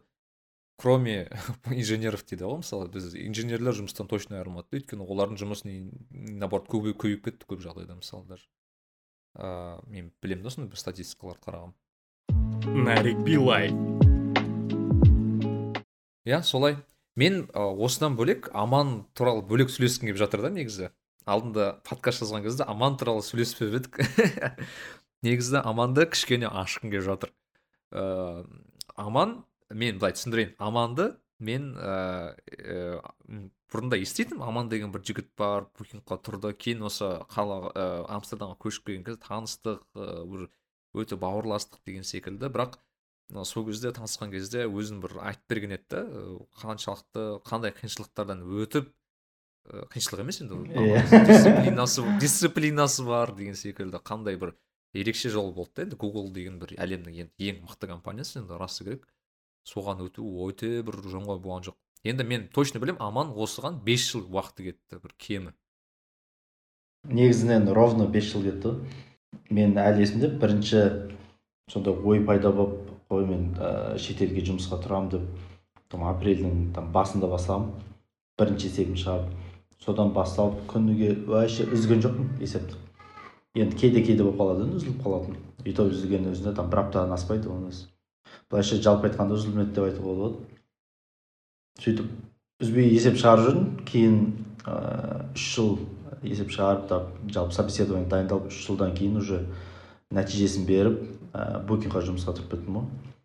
Сол букингте жүріп тағы да екі жыл бойы есеп шығарып кейін гуглға келдім да. Сол үшін бұл жерде мен үшін ә, ровно бес жыл деуге де болады. Өйткені мен ә, гуглға собеседованияны да ә, апрельде өттім да мен. Мен бірінші жіберген есебім төртінші апрель болса соңғы жіберген есебім ә, алтыншы апрель ма сондай. Ә, ровно 5 жыл болып тұр иә ровно бес жыл кеткен болып тұр. Мықты. Негізі аманның осы бір ә, мысалы күшті да негізі аман кәдімгі шымкенттің қарапайым мектебінде оқыған. Кейін енді жақсы университет IT, IT дегенде жақсы университет бірақ аман көп жігіттер секілді кәдімгі казкоммерцбанкқа жұмысқа тұрды біздің енді мен айтишниктарды білемін да қазақстанда көбіне бізде бір проблема. Жақсы былай жалақыны негізі көбіне банктар бере алады да өйткені все таки көп компанияларда ондай қаражат жоқ жақсы түрде сондықтан көбісі банкқа тұрады. Банкта мен өзім банкта жұмыс істемесем де банковский бір үш төрт продукт жасаған жігітпін да алматыда жүріп.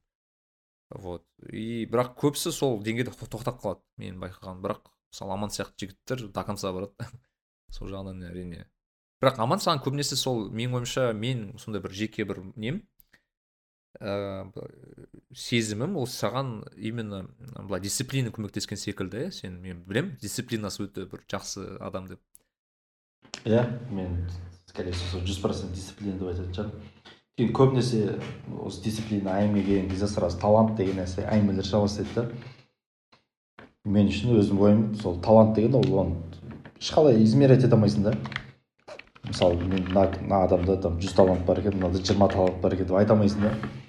Ал дисциплина болса ыыы оны істеуге болады да хотя бы там күніне бір сағаттан көңіл бөліп жүрме есеп шығаруға или там собеседование дайындалуға. Ыыы там қанша есеп шығарып жүр или қанша материал оқып жүр қанша кітап оқыды. Сол үшін мен там талант пен дисциплина тұрған кезде всегда дисциплинаны таңдаймын. И иә мен өзім жағдайымда скорее всего сол тек таза дисциплинаның арқасында болған шығар деп ойлаймын. Үзбей күніге дайындықтың арқасында. Даже осы нұрекенің бағанағы мысалында нұреке физрук болып жұмыс істеп жүрді бірақ күніне қанша бір екі сағат болсын бөліп соңында бір екі үш айдың ішінде программист болып шықтыңыз ғой иә нұреке ол да бір дисциплинаның бір белгісі ғой негізі. Бұл менің ойымша даже дисциплина нағыз шыңы деп ойлаймын. Өйткені адамның өзінің ыыы фулл тайм жұмысы бар да.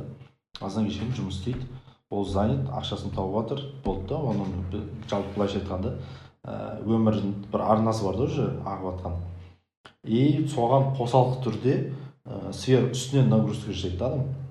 Ол кезде уже дисциплинаға қоса адамның бір қайсарлық бір мінезі де керек деп ойлаймын. Сондай мінезі мықты болып тұр ғой нұрекең ну до конца айтып болсын деп тыңдап отырдым балдеть етіп негізі негізі ә, мен именно жазғы отпуск кезінде дайындалдым ғой екі ай.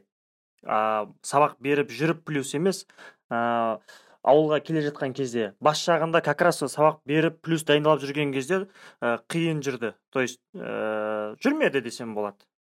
А, как раз ол бүкіл нәрседен абстрагировать етіп отпускқа шыққан кезде сол как раз отпусктың екі айы өте бір продуктивный болды. Но бірақ шынымен почти буквально күнде дайындалдым. Енді бір он күнде бір бір күн ба дайындалмай қалған кезім болған шығар. А так бір күн тастамауға тырыстым ғой екі ай бойы. Күніне қанша сағат уақыт ол кезде еще андай не болды ғой? Так ыыы таңертең примерно жарты сағат кешке жарты сағат қой. Бірақ по плану жарты сағат дейсің но бірақ енді білесіз ғой ыыы жарты сағат дейсің елу минут қыласың в общем примерно бір сағат болып тұратын еді ғой. Таңертең кешке таңертең кешке. Программисттердің дедлайны бар ғой. Мына задачаны қашан бітіресің десе екі күннен кейін бітіремін десе автоматически екіге өте керек деп. Иә иә иә. Өйткені төрт күннен кейін сол сияқты шығар. жарты сағат десе значит бір сағатта күніне екі сағат өлген деп көбейтіп жіберген да мысалы мен білем аман күніне қазір айтамын ыыы соңғы жыл үш екі үш сағаттан бөлетін иә есімде болса. Иә именно так букингке дайындалып жүрген именно мен сол собеседование жақындаған кезде жарты жыл алдын мен қатты кірісіп дайындала бастайтынмын. Күніне бір минимум екі, сағат бөліп в среднем үш сағат шығар. Ал гуглға дайындалатын кезде иә в среднем үш сағаттай бөлдім күніне. Вот осы екеулеріңізге сұрақ та маған да жиі жазады осы туралы. Аға осы дисциплинаны қалай көбейтсем болады там бастап кетемін ішім пысып кетеді тағы да басқа қиналып кетемін басым істемей кетеді. Короче көп жазады да осы туралы. Вот сіздер бір қандай бір бір екі кеңес бере аласыз? Ыыы адам қалай өзін былай дисциплинасын дұрыстай алады негізі? Аман. Өздеріңіз қандай ойларыңыз бар? Менің ойымша бұл жерде бірінші ең маңызды не сияқты? Мақсат сияқты. Адам өзін қалай көреді адам өзінің алдына қандай мақсат қойды? Ә, мысалы мен кезінде сол қазақстан казкоммерцбанкте жұмыс істеп жүрген кезде алдыма мақсат сол ә, европада мықты компанияға жұмысқа тұру болды бірақ мен ол кезде ойламадым мен мысалы бір гуглға тұрамын или букингте жұмыс істеймін деп. Менде мақсатым тек европада жақсы бір мықты компанияға жұмысқа тұру болды. Да и просто кіріп қарап көрдім қандай нәрселер требованиялар қандай екен деп. Біраз собеседованияда өттім. Енді бұл подкаст енді қысқа болады енді ол собеседованияның бәрін айтып беруге өткен фейлдарын бәрін айтып беруге. Жалпы содан кейін түйген ойым сол есеп көбірек шығару керек екен систем дизайн оқу керек екен әртүрлі кітаптар оқу керек екен деген ойға келдім. Ыыы иә содан барып ары қарай ыыы сол целім айқындалып и содан кейін өзім көрдім да ол возможный нәрсе екенін. И тура сол кездері жалпы мен білетін адамдар да ыыы мықты сол гуглға басқа фейсбукқа жұмысқа тұра бастады да. Уже жұмысқа кетіп жатыр екен дейтін. Мен сол кезде отырып ойланатынмын мәссаған қалай екен? ол ощущение гуглер болу деген бір өзің гуглер болсаң вообще не сезінеді екенсің сондай ой қатты болатын. И соған қатты бір ішімнен жан тәніммен бір жеткім келетін еді да соған. И соған қатты армандап қатты мақсат қойған сол көмектесті деп ойлаймын менің жағдайымда. Бір неиссякаемый бір мотивация болған шығар мен үшін. Сіз нұреке сіз не ойлайсыз? Ну менің де тура айтқым келгені осы еді. Өйткені енді мен спорт школада оқыдым ғой. Ә, дәл осы модель просто ә, берілгені басқаша. Мысалға бізде қажымұқанда қалай үйрететін? Ә, енді олимпиаданың шыңына қол жеткізу керек қазақтың туын желбірету керек деп айтады ғой енді. Сондай ә, цель береді. И сондай цель берген кезде адамға мына қазақстанды ұту деген ол уже ә, екі ортадағы бір пункт болып қалады да. То есть көп қиындықтарды оңай еңсереді. Өйткені оның мақсаты одан әлдеқайда жоғары. А, егер мақсаты төмен болса ол ә, қиындықтар да оған үлкен болып көріне бастайды да жолдағы. И сосын бағанағы ә, аман айтқандай талант пен еңбек дегенше бізде де тренерлердің барлығының айтатыны ол бір пайыз талант 99 еңбек дейді да нәтиже дегеніміз. И көзімізбен де көретінбіз. Енді мен интернатта жетінші класста келдім он бірде шықтым ғой. Сол жетінші класста келген кезде бір үлкендерді көретінмін ә, біреуі. Ә, бізде енді екіге бөліп айтады ғой сачок мешок деп. Ә, сачокта үміт жоқ даже если ол қазір ә, барған жарысынан барлығынан орынмен келіп жүрсе де. Ә, мешоктан үміт бар егер ол пахры болса. Енді айырмашылығы сачок ол нәтижесі болуы мүмкін бірақ ол тренировканы не, қалай болса солай жасайды кимей қояды ә, өзіне көп позволять етеді короче халяван ше ал мешок ол түртсең ұшып кетеді деген сияқты ғой енді қолынан түк келмей жүр деген сияқты.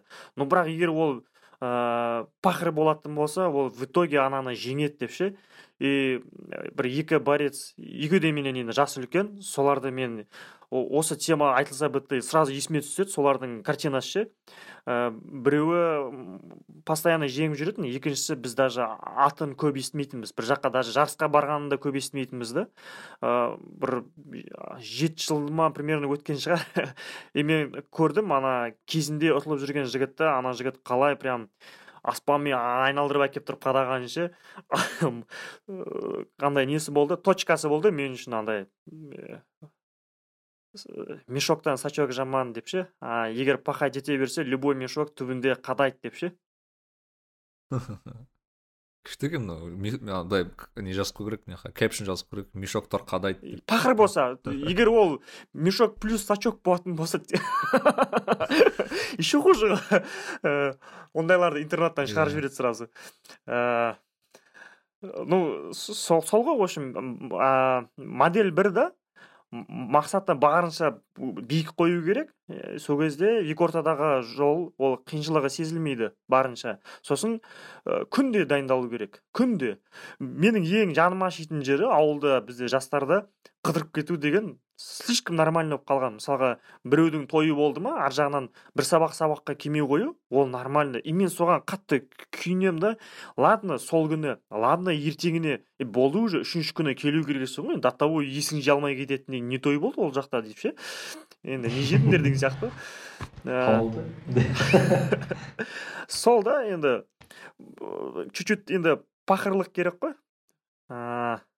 Солай болса жүйелі жұмыс жасаса арасын үзбей күнде дайындалса үш күннен артық демалмайтын адам болса нәтиже шығарады деп ойлаймын. А ол не важно бір күнде жиырма ақ минут дайындала ма әлде үш сағат дайындала ма? Бас жағында может даже сол жиырма минут бір сағаты сол жақсырақ шығар даже чтоб травма алмас үшін ше. Ана согын сығып тастамас үшін бас жағында. Поступательно болу керек секілді. Мен мысалы бір күшті ә, мен бір atomic habits деген бір жақсы кітап оқыдым да жақында. Как раз осы ә, адам бойындағы бағанағы дағдыларды яғни привычкаларды дамыту туралы да негізі. Сол кезде мынандай бір күшті бір мысал келтіреді да. Мынандай сұрақ қояды кітабында. Ә, джеймс киллер деген кісі. Ә, бір доллар дейді да бір доллар. Адамды бай қылып жібере ала ма дейді да? Осындай сұрақ қояды сол кезде жауап мынандай да. Ә, жоқ. Иә ну бір доллар ешкімді бай қылмайды иә. Ну понятное дело. Бірақ мынандай сұрақ қояды да. Ал қандай моментте бір доллар сені бай қыла алады айтайық бай, бай, бай деген мысалы миллионер болды деп есептейік бір миллион доллар деген бай адам иә мысалы. Айтады да егер сен мысалы күніге бір доллардан жасасаң и мысалы ә, сенің счетыңда там тоғыз жүз тоқсан тоғыз мың тоғыз жүз тоқсан тоғыз доллар болса дейді да и сен бір доллар берсең сен миллионерсің дейді да. Сондағысы бірақ миллионер болғанда да сен бір доллармен миллионер болдың дейді да.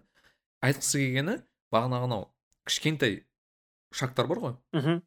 Ол саған көрінуі мүмкін кішкентай шаг дейді да негізінде. Бір доллар секілді дейді да. Бірақ сен үлкен масштабтасаң көп бір доллар ол үлкен бір ақша дейді да негізінде. Ыыы сол секілді да яғни бұл жерде мәселе ә, мені мысалы мен таза дисциплинасы мықты адам деп айта алмаймын да өзімді. Ыыы бірақ мені мысалы мына мотивировать етеді да кейде. Мен план қойған кезде ең болмаса сол планға кішкене болсын жақындататын бір минимальный хотя бы болсын шаг жасауым керекпін да. Өзіңді былай өзіңді нормально сезіну үшін еркек адам ретінде әсіресе. Өйткені білмеймін әйел адамдар қалай сезінетін бірақ еркек адамдар бірақ не айтады ғой достигатор болу керек сияқты маған кішкене болсын жан, жан аяушылық деген болмау керек та все таки ну білмеймін. Мен өзімнің ойым сондай. И ә, бағанағы мелкий шаг болсын да хотя бы жылжыту керек. Бірақ менің ойымша еще поток деген зат бар айтпақшыдай. Поток деген ә, мынау да мысалы ә, сенің білім деңгейің мысалы төмен болса сен сондай енді білім деңгейі деп айтпайық енді пока жетпей тұрса деп айтайық иә кішкене. Сен басында кішігірім заттар ғана істейсің дұрыс па? Сол деңгейге жететін заттар ғана істейсің. Неге үлкен жасамайсың? Өйткені сен үлкенге сразу секіріп жіберсең сенде демотивация болады. Неге? Өйткені сен айтасың мен настолько тупоймын короче маған білім жетпейді не деген ақымақсың деген сияқты өзіңді жей бастайды адам. Поток болу үшін поток болу үшін сенің орындайтын тапсырмаң жасайтын жұмысың сенің өзің деңгейіңмен бірдей болу керек. Яғни ол төмен болмау керек мысалы сен жоға, білімің жоғары болып жасайтын тірлігің төмен болса сенде де демотивация болады дұрыс па? Не мен болмаған бір жұмыс жасап жүрмін деген секілді. И жоғарыда болып кетпеу керек да қатты чтобы сен өзіңді жебемес үшін. Яғни сенің ә, былай өзің деңгейіңмен жасалатын тапсырмаң бірдей болу керек сол кезде сен потокта боласың дейді да. Яғни бір деңгейде жүресің бір, бір деңгейде көтерілесің деген секілді. Сондықтан да менің ойымша басында иә сен аз адам күніне жарты сағат 15 минут бөлуі мүмкін бірақ соңында деңгей көтергенде аман секілді үш сағаттан да бөлуге ә, дайын басын соңына қарай осындай ой бар осы жерде осы айтқаныңа не бар ғой ә, жалпы программированияда divide and conquer деген разделяй властвуй деген. Тура соның шешетін проблемасына ұқсайды ол жерде бір үлкен бір мысалы данный бар. Оны обрабатывать просто бәрі бүтіндей алып обрабатывать ететін болсаң ол жетпейді да күші. Сол үшін оны майда бөліктерге бөледі бірінші екіге бөледі кейін қалған екі жартыны тағы да екіге бөледі. Сөйтіп сөйтіп ә, кіші бөліктерге бөледі да яғни ол обрабатывать етуге күш жететіндей бөліктерге. Сөйтіп ең соңында результатын қоса салады да бір общий неге? Ә, қорытындыға тура соған келеді енді бағана. Ә, кім нарикбидің айтып отқан иә иә иә соған келеді. Сол да бір навык қой негізі жақсы бір адамға керек. Ну оны да бөле жұмысты да бөле алу. Мен мысалы ше өзім ә, алдыңғы так қай жылы? Екі мың он тоғызыншы жылы ә, жылдың басында мен ә, кбту да сабақ бердім да. Ә, кбту ә, осы iOS бойынша өзімнің мамандығым мобильный разработка сол бойынша сабақ бердім. Есімде үшінші курстың балалары болды сол кезде. Е, көп адам емес бір бар жоғы он, ә, так он бес па он алты адам болды. И мен жұмыстан кейін болатын яғни бұл дополнительный как сабақтар секілді электив дейді ғой. Сондай болды да мен сабақ бердім бірақ ә, сабақ бергенде де бір ерекше беруге тырыстым да оларға яғни оларға түсіндірдім. Мен м, кәдімгі мұғалім емес баға қою үшін емес мен сендерді бір нәрсеге үйреткім келеді расымен де. Және бітіргеннен кейін сендерді бір жерге жұмысқа тұрғызғым келеді. И расымен де там қанша бір қанша уақыт өтті? бір семестр қанша уақыт алады өзі? Төрт ай. Бес он ай бес он бес ай он бес апта ғой енді. Он бес аптадан кейін ә, файнал болды файналдарын тапсырды. Кейін сөйтіп мен бір жігітті а екі баланы өзіме алдым жұмысқа өз компаниям жұмыс істеп жүрген сол кезде. Бір екі балаларға референс бердім басқа осы қазақстан компаниясында бала жұмыс істеуге. Тағы тағы в общем балалар көбісі жұмысқа тұрды. Неге деп ойлаймын да кейде. Өйткені мен о баста оларға сондай установка қойдым. Сендер мына баға үшін емес бұны ыыы бұны сендер жұмысқа тұру үшін жасап отырсыңдар деп. То есть мен айттым да сразу баға маған бәрібір дедім. Хоть казиноге жүз қойып беремін дедім. Бірақ менен сендерден отдача керек дедім сразу. Өйткені мен ақша үшін келіп жатқан жоқпын сендерге деп сөйтіп түсіндірген едім. И сондай бір андай договор болды да арамызда. И сол бір күшті ойнап кетті негізі. Мықты. То есть ә, не қыла білдіңіз ғой кішкене өзіңіздің волнаңызға түсіре білдіңіз ғой адамдарды? Иә мен иә оларға да бір оқушыға да түсіндіре білу керек та. Сенің былайша айтқанда мен қойып отқан бағам ол түк емес. Это не важно. Или мысалы алып отқан бағаң да түк емес. Мен оларға мысалы сабақтан бұрын мысалы ондай заттарды түсіндірмейді мен сабақ түсінде сабақтың өзін түсіндіріп кейін ә, основной лекция біткеннен кейін вообще там басқа басқа ә, темаларға сөйлесіп кететін мысалы там білмеймін өмір жайлы неге проект қандай проекттер жасауға болады неге мысалы project менеджмент туралы сөйлесіп кетеміз. Яғни жұмыс ә, сабақтан бөлек әңгімелер да. И ең қызығы ә, балаларға именно сол ұнайтын да. Студенттерге ә, яғни кейін айтады маған именно осы офф топик болатын әңгімелер оларға көбіне ұнайды. Өйткені осы жайлы ешкім сөйлеспейді да олармен. М, досы бола алмайды бағана орысша айтқанда. Кент дейді Иә, ғой орысша бір күшті сөз бар ғой кент деген. Яғни кент болуың керексің да оларға сен оларды прям мотивировать ету үшін де. Что мен де сенің жағдайыңда болдым это нормально деп. Ол да болады былай да болады деп. Кейін ә, мен уже букингқа жұмысқа тұрдым. И олар даже соны естіп қуанып мені шығарып тастады даже.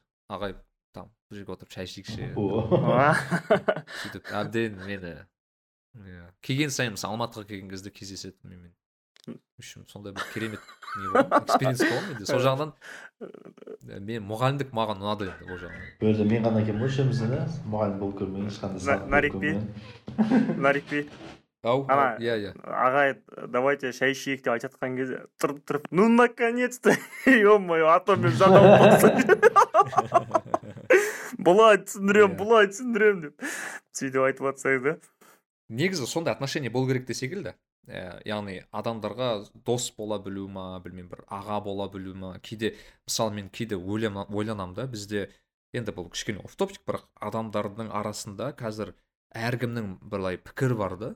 Кейде ойланамын да сол туралы. Яғни бәрінің бір мнениесі бар бәрінің бір пікірі бар бәрі өзін бір ііі әркім өзін бір прав санайды да енді. Рас менікі дұрыс деген секілді. Бірақ кейде бір расымен де адамға ағалық келетін адам да керек секілді. Ментор дейді кейбіреулер ол адамдарды. Кейбіреулер оны аға дейді авторитет моральный авторитет дейді. Мен ә, мысалы біз алдында мағжан та- ә, кім таниды? Аман таниды. Бізде мағжан қайранбай деген жігіт бар досымыз ортақ. Өте мықты жігіт. Онымен подкаст жасадық бірнеше подкаст жасадық.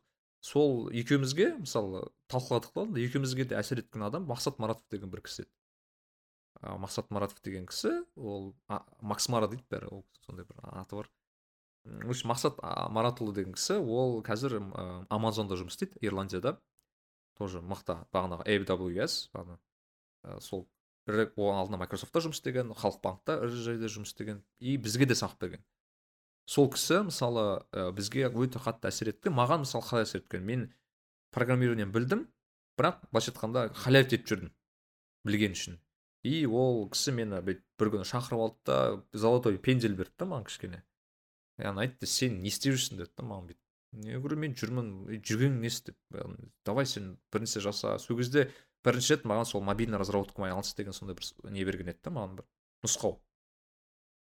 И кейін мысалы өмірде де біраз ә, уже компанияларға тұрған кезде де маған тұру керек екен неге тұру керек екен енді бірінші мотивация берген адамдардың бірі да мына шетелге бар деген.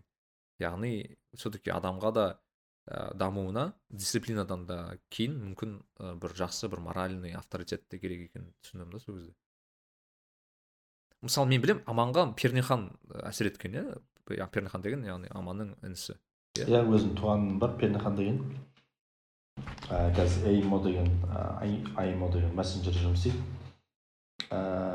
ол иә немен айналысты спортивный программированиемен айналысты яғни олимпиадный программирование и сол жалпы сол ол- олимпиадамен айналысқан адамдар көбінесе сол собеседование есептерін шашатын болады и соның ә, қарамағындағы танысындағы айналасындағы балдар көбірек көптеп жұмысқа кете бастады шетелге и сол да бір жағынан мотивация болды да и мен дайындық бастаған кезде де мен есеп шығарған кезде де маған бағыт бағдар беріп көрсетіп отыратын адам керек болды. Себебі мен інім өзіме сол именно есеп шығару жағынан бағыт бағдар беріп отыратын адам болды да маған. Ал былай мен ә, бір мына мұғалім кім нарик би сияқты мына мұғалім маған не золотой пинок берді деп айта алмаймын. Енді иә бұл ондай әркімде иә иә әркімге әртүрлі әсер етеді. Даже әр уақытта әртүрлі әсер етеді кейде бір адамға. Иә нұреке өзі былай мотивированный болған секілді былай маған. Иә мен де өйткені отпускқа кетіп бара жатқан кезде айтты ғой сен бала э, готовься деген сияқты ше. Келесі жылы сен короче по- попрощаемся кажется деп былай. Солай қылып айтты. Ну енді ол ә, басқа бір себептері болды. Оны ә, сіздің жұмыс істеп жүрген бағанағы физрук болып жұмыс істеп жүрген жеріңіз айтты иә иә иә па? солар айтты а яғни жұмыс болмауы мүмкін в общем бала дайындала бер деген иә иә ну бірақ ол маған бірінші импульс емес менде и так өзім қызығып жүрген нәрсеме одан сайын заставлять етіп жіберді. И так қызығып тұрған нәрсеңе заставлять ету деген ол не ғой былай? Мықты совпадение ғой? Двойной эффект берді двойной иә иә двойной эффект берді. Ну ну и че ты с того? Давай шығарсаң шығар деген сияқты ше. Еще мен символично былай бірінші қыркүйек білім күні шығып кеткенсің ғой жұмыстан. Ә, бағана сіз айтып жатқанға есіме түсіп кетті анау неге? Баға деген не важно деп ше? Бізде ә, енді сіз ана жерде андай нәрселерді айтып жатсыз да ә, андай нәрселерді ә, подружески сөйлесу там студенттермен дос болу бір болу там по душам деген сондай әңгіме кетіп жатыр да. И сол есіме түсіп кетті. Бізде ә, физруктар енді біз сабаққа бармаймыз ғой короче. Вообще сабаққа бармаймыз. Там ә, к- кім барады сол черт деген сияқты ғой в общем. Ыыы жек көреді соны кім сабаққа барады. Ә, ну бірақ үш төрт адам бар который е сендер барсаңдаршы деген сияқты ше бәріміз бармай қалмайық деп ше. Ә, мен солардың бірімін короче постоянно барып жүремін ана физруктар енді ә, по любому енді группада бөлінесің ғой енді біреулері там мықтырақтар деген сияқты. А біздер ба- анда физруктың ішіндегі батаны болдым ғой мен енді. Енді а, ә, бір- бүкіл тоқсан бармай қойдық та короче сабаққа. И содан ә, ағай ашуланып тұр. Ә, барлығын бірдей құлаттайын ба деген сияқты ашуланып тұр да сосын бір кезде ә, кішкене аяушылық танытып ренжіп бір жағынан. Баға қойғысы да келмейді бізге. Мораль оқып жатыр біраз. Мораль оқып жатыр бір кезде ей сендер адам болу керексіңдер анау мынау біраз сөйлесіп жатыр жаңағы. Енді нарбиктің темасы ғой короче по душам дегендей ше. Ыыы ұят болу керек қой адамда деген сияқты біраз нәрсе бізде физрук ана ыыы спортсмендер иә иә аға иә иә дұрыс қой дұрыс қой деп тұрмыз бәріміз. Сосын енді тұрып тұрды да мен білмеймін сендерге неше қоятынымды. Өздерің қойып алыңдар деген кезде арамызда біреу атып шықты да иә ағай сіздікі бәрі дұрыс қой деді өзіне жүз қойып баға не важно деп қызық есіме түсіп кетті. Э, ну сол кезде біз бәріміз күлкіден өлгенбіз. Бағанадан бері бізге ұрысып жатты да сендерге там типа нөл қою керек деген сияқты ше. Анау тұрды да сіз ағай сіздікі дұрыс мен сізді түсінемін там баға не важно деді да жүз қойып алған өзіне. Бізде сіздің әңгімелеріңіз өтпей қалатын сияқты. Е ол адамға да байланысты әрине. Дисциплина амандікі кстати шынымен мықты екен. Мен ана ә, неше күн таныс болдық дейсің ғой. Ә, қысқа нұсқа. Чатта да мысалға давайте ровно там тоғызда кездесек десек аман го го деп ровно жиырма елу тоғызда жазып тұр да а, сіз болсаңыз жігіттер сори отыз минут задержка. Деп бір жарым сағатқа кешіккен ба? Иә. Иә. Э, еще бұл жерге қырқып тастайды ол специально қырықпаймын вот специально қырықпаймын. Мен осындаймын иә сори иә ондай ондай болып тұрады. Нарик билай. Вот нұреке сіз ііі бір постыңызда бір қызылорданың айтишниктері туралы бір күшті бір әңгіме айтыпсыз да сол маған қызық болып тұр ол постты негізі мен жария қылмадым. Э, сізге личкаға сақтап қойғанмын кішкене э, қалай эксклюзив Иә, иә. дей ма? Со- сондай болсын деп ше? Бірінші сіздің подкастыңызда подкастыңызда шықсын деп. Ыыы в общем былай болды қысқасы. Ә, сенбі енді бала шағаның күні ғой. Сенбі бала шағаның семьяның күні ә, со ә, кеше сенбі күні біз қалаға шықтық жанұяммен. Енді жұбайым екеуміз қалаға шықтық. Сосын ә, бізде тағам деген сет бар. Сіздер астанада алматыда болған ба еді? Естеріңізде жоқ па? Бар Бар, бар в общем сол маған ұнайтын жері енді былайынша ә, тамағы да жақсы ғой. Сапасы да жақсы сосын ә, бағасы да жақсы қолжетімді и сервис. В общем жан жағынан жақсы. Енді тойота сияқты да короче бүкіл жағынан звездочкалар нормально. Ә, и соның ішінде тамақтанып отырсам ә, қасымда енді жақынырақ көршілес столда бір кісілер дауыстап сөйлесіп жатыр да. Дауыстап сөйлесіп жатыр әңгімелері жарқын жарқын шығып жатыр. Енді құлақ түріп тыңдамайсың бірақ енді құлағың бар енді кінәлі емессің. Алар дауыстары қатты шығып жатыр естіліп қалып жатыр да. Сосын ә, бір кезде енді отырмын ғой енді палауымды жеп дегендей.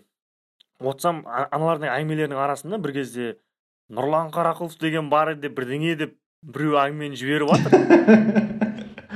деп қалғансың ғой ана жерде дайын болмағансың ғой ондай жағдайға. Ойбай менің атымды айтып жатыр ғой деп кішкене жүрегім дүрсілдеп анау ә, экран былай кішірейіп ше көз алдымдағы там құлақ гүрк гүрк гүрк дүрсілдеп не болып жатыр деп ше. Ә, сосын ә, тыңдап қоямын может мен емес шығар там басқа біреу шығар деп. Ә, сосын әңгімелерін арасында ә, андай сөздер естіліп жатыр да таныс сөздер. Жалағаштың жігіті деген айтып жатыр сосын ә, программист программирование үйретеді деген сондай әңгімелерді айтып жатыр да. Е точно мен туралы айтып жатыр ғой деп ше. Сосын ыыы қызық болды маған. Мен күтпедім ондай ә, мен үшін вообще ойламаған нәрсе болды да. Ә, сөйтіп тамағымды асықпай до конца жеп алдым да сосын қастарына барып амандасып в общем давай әңгімелеріңізге қосылайын дедім. Енді қызылорданың адамдары енді кішкене сондай бір бірінші рет көріп тұрса да бір баяғыдан бір таныс сияқты бір сөйлесе алады да. Ну өзім де сондай бір не статистикам бойынша сондай енді қызылорданың адамдары. О давай кел деп ше андай түсіндіріп жатыр да жалағаштан бір жігіт бар дейді. Енді маған өзіме өзімді таныстырып жатыр да сыртымнан. Ол мен әлі білмейді кім екенімді. Айтады қарақұлов нұрлан деген жігіт бар осылай осылай үйретеді программированиеге там айтып жатыр айтып жатыр мен қарап тұрмын сосын ол айтып айтып болды да айтады ау сіз оны танисыз ба? Ол кім болады? Ініңіз ба? деген сияқты айтып жатыр да. Сосын мен айттым ол мен ғой деп ше мен сол нұрланмын деп о деп қалды да ана кісілер ыыы реакциялары қызық болды енді. шок па ана түрлері? Енді ана жерде енді более менее скромный жігіттер ғой енді бірақ қатты бір ажиотаж болған жоқ чтобы прям жүгіріп кететіндей просто на месте бірақ енді қуаныштарын білдірді енді о! деп ше қалай? деген мә мықты совпадение деп ше ыыы өзі келіп қалыпты ғой деген кімді айтып жатыр ана кімді айтсаң сол келеді дегендей ше. Сондай е қалай қалай келіп қалды? деп ше. Сөйтіп біраз ризашылықтарын білдірді қуанып сосын сөйлесіп жатырмыз ғой. Ыыы біреумен мен ватсап арқылы сөйлескенмін бұрын. Ә, бірақ мен ол кісіні өзім де көрмегенмін ғой. Ватсап арқылы бір рет сөйлестік болды. И сол кісімен сөйлесіп тұр екенмін да мен еще мен еще сол кісіге өзім барғым келіп жүргенмін сол бір уақыт бөліп бір күн арнап соған барып бір кішкене әңгіме қылайықшы деген сияқты ше. И как раз совпадение солай кездесіп қалдық. Дәл сол адам екен. Еще жаңа мен туралы да айтып жатқан сол екен да. Анау пәленбай деген адам бар деп айтып жатқан да сол кісі екен. И ол бізде қызылордада ә, нақты қандай позицияда екенін білмедім но бірақ ә, именно айти жағынан бір жақсы орын тепкен кісі деп түсіндім. Былай басы қасында жүрген қателеспесем осы қорқытта универге қатысы бар сондай кісі. В общем қасында жігіттермен таныстырды тағы төрт жігіт отырды жастар. ә, бір қуантарлығы ше? Жастар енді күші бар мотивациясы бар сондай енді буын ғой енді келатқан и ә, біреуі мысалға ә, стартаптарға поддержка жасай ма сондай екен. Инвесторлармен таныстыру бизнес жүргізуге там консультациялар жасау сондай жағынан екен. Біреуі видеомейкер біреуі өзі программист дегенде. Сондай әрқайсысының өзінің бір несі бар екен да уже бірнеген бір, бір заттың шетін ұстап қалған адамдар екен да шетінен ше? Прям өзіме керек комьюнитидің тура ортасына түсіппін да ана жерде. Қызық әңгіме жүріп кетті. И сосын ана кісі в общем сексен екінші жылғы екен жаңағы арасындағы ең үлкені как раз сөйлеп отқан кісі енді үлкен ғой. Ол айтты енді мен нұрлан деп айтамын кіші екенсің інім деп. Иә иә айта беріңіз деп. Нурик десең де болады деп ше. Сонымен әңгіме басталды. Ондай кісілерде обычно ойында бірдеңе жүреді ғой. Ойында бірдеңе жүреді и сразу андай не қылып үлгеріп жатыр да жеткізіп үлгеріп жатыр да. Сен лучше былай жаса деген сияқты ше. Бізде қазақстан бойынша бірінші кезекте мұғалімдерді үйрету керек деп ше. Бағанағы айтылып жатқан тема ғой соған ұқсас. Он информатик болса соның біреуі информатик деп ше. Тоғызы просто сабағын өткізіп жүрген біреу деп ше? Сондай қылып айтып жатыр да. Мұғалімдерге бастау керек бірінші үйретіп солардың сапасын мықты көтеріп алу керек. Сосын олар ар жағындағы өзінің мұғалімдеріне ой өзінің оқушыларына мықты сапалы сабақ жүргізетін болу керек деп ше? Осылай тарқату керек барынша там масштабированиені ойлау керек. Сосын ана нені айтады?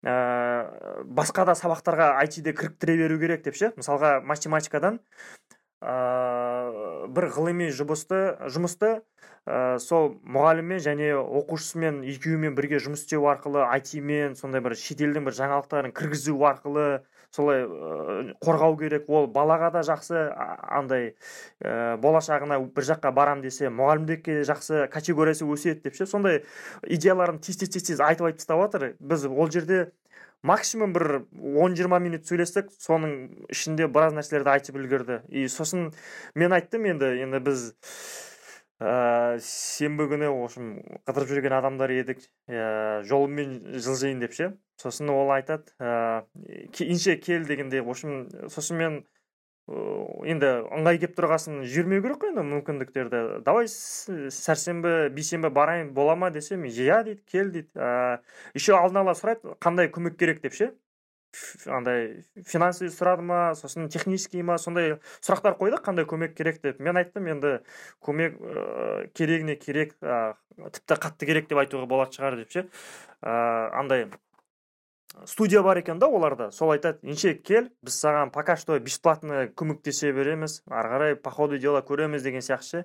Пока что бесплатно көмектесеміз сосын мен айтқанмын андай ә, менде сабақтың ә, дизайны нашар деп. О- ол жерде жігіттердің арасында видеомейкер отырды. Если что может көмектеседі дегендей. В общем қонаққа шақырды сәрсенбі. Ә, сол жаққа барып қайту керек. Сөйтіп ә, қысқа жоспарымыз сол болып тарқадық. Ә, бірге жылжып көрейік деп ше. Сосын бір екі конкуренттерім де айтты сыртымнан е сен істеп жатқан тірлігің мына кісімен мына кісімен конкурентсің ғой деп ше? Ыыы, өте қысқа сөйлестік но бірақ ыыы, мықты бір не болды эффект болды. Ә, мен асықтым үйге тез келіп пост жазамын дегенше сосын ойлана ойланып тұрдым да «Е, қой мен осы постты нарик бидің подкастында айтайын деп сонымен тоқтаттым өзімді. Иә бұл ә, біздің подкасттың тыңдарманына эксклюзив. Иә аха. Негізі мен шын айтайын нұреке бар ғой біздің ә, сіздің өміріңіздің қаншалықты біздің бірінші ә, попыткадан кейін яғни подкаст жазуға бірінші попыткадан кейін қаншалықты өзгергеніне қаншама адамдар кездестіргеніңізге шын айтсам таңғалып отырмын өзім.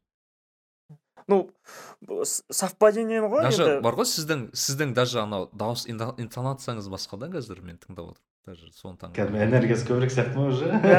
Иә иә басында бірінші попыткада ондай емес еді иә. Білесіз ба неге? Бірінші попыткада ә, мақсаты қойылмады ғой. Ә, сөйлесердің алдында ә, мынандай мақсат өзімнің ойым деп айтып жүрсеңіз может мен де соған ә, біраз подстраиваться етер ме едім. Мен ана жерде білмедім Иә, даже мүмкін- мүмкін, қалай иә. сөйлеу керек екенін вот үлкен минус болды ау деймін общий. Иә иә общий деймін бірақ организатор тез- ғой тез адаптир тез адаптироваться етіп рахмет. Мхм. маған ана кім айтқан? гибкий нұрлан. Жаңа сіз айтып жатсыз ғой бір золотой пинок берген бір кісі деп ше. Сол сияқты менде де өмірімде бір ағам бар. Сол айтқан ә, бизнес ол гибкость деп ше.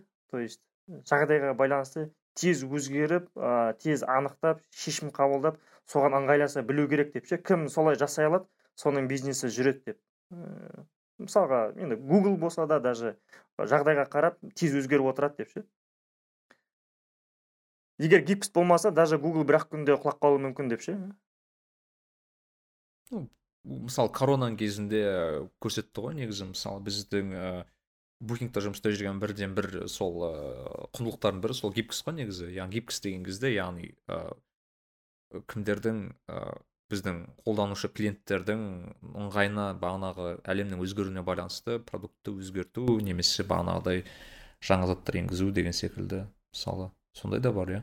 Әрине. Иә гуглда да там юзерлердің несі количествосы қатты өсіп кетті ғой meets google duo hangouts там.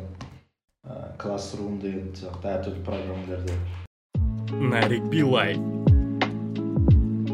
мен бір ә, бағана есіме түсіп кетті да мен мына мәселені қозғағым келген ұмытып кеттім ә, мен ә, кеше буквально нені көрдім? Соул деген бір мультфильмді көрдім. Душа деп қазақша аударып орысша аударыпты да.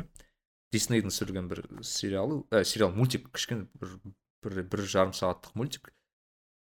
Әшейінде мультик көрмейтін адамды бірақ өте көп адам жазып кетті осы туралы. Мен айттым ладно көрейінші деп. Сол кезде бір керемет ә, әсерде болдым.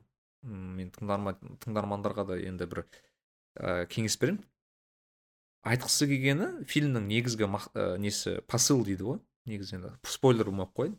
Бірақ бағанағы ә, аманның айтқан заты еді да. Яғни аман айтты ғой мен басында ә, гуглға жұмыс істеп көрген адамның бір ощущениесін алғым келді.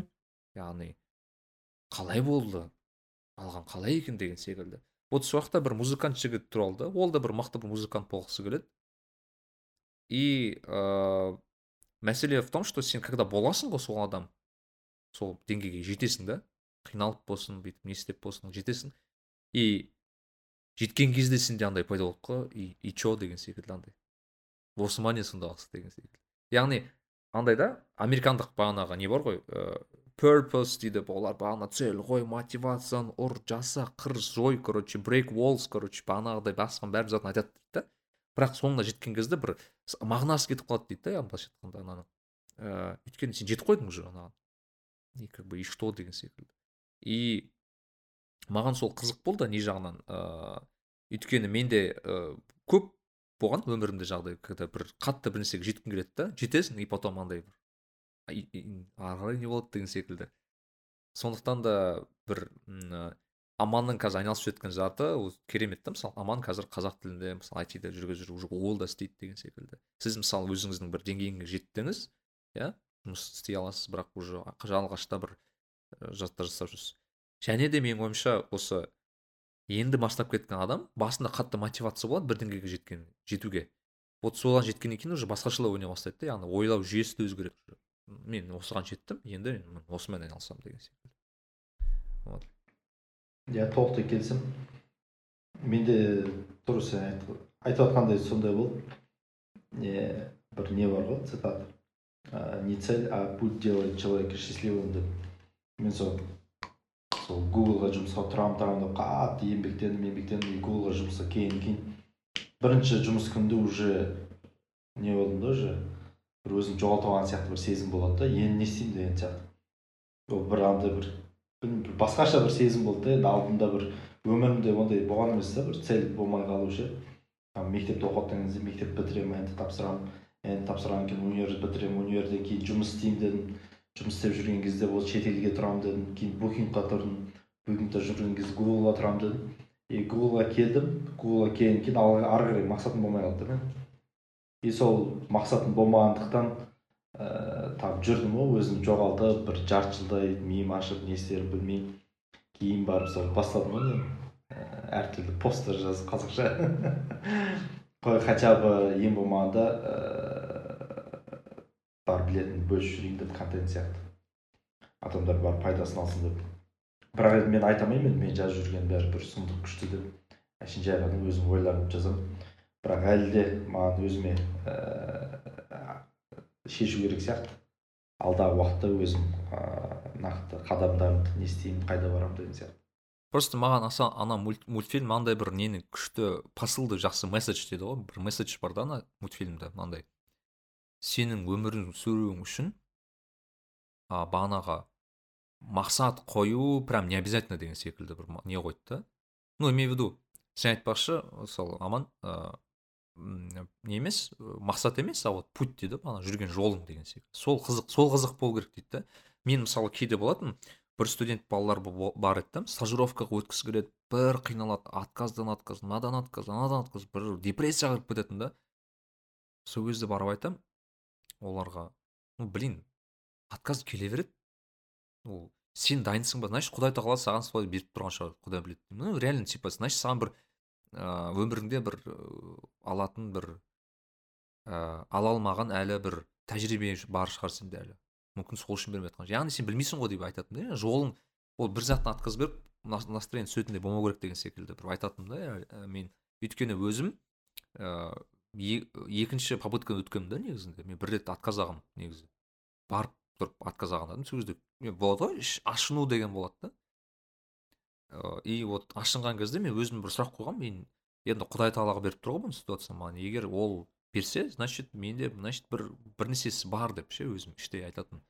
И шынымен кейін солай болып шықты да негізі. Менің ыыы өзімнің ең жақын тартатын атам болады атам қайтыс болды да он тоғызыншы жылы. Ыыы и сол кезде а мен интервьюді он сегізде сонда ойлайтынмын егер де мен он сегізінші жылы интервьюға өтсем атамды көрмей кететін екенмін да оказывается негізінде. Өте бір тез болып қалды да. Ыыы и атам осылай өмірден өткен кезде қолынан ұстап прям ризашылығын алып кетті да маған. Соңында до того не істеп маған басындағы ешқашан тақиясын шешпейтін адам тақиясын маған беріп кетті да енді өзім амстердамға кетіп қалдым сол тақиясын и соны алдым буквально. Атамды жереледік жетісін оқыдық. И буквально артынан офер алдым да мен. Өзіме бір ерекше бір өмірдегі бір не болды сабақ болды да маған. Өмірде құдай тағала саған не берерін білмейсің де. И ә, бір тырысып жүресің тырысу да керек әрқашан. Бірақ ә, болмай жатса ә, ол да нормально деген секілді. Яғни бір нәрсе болып тұр значит не зря солай болу керек иә.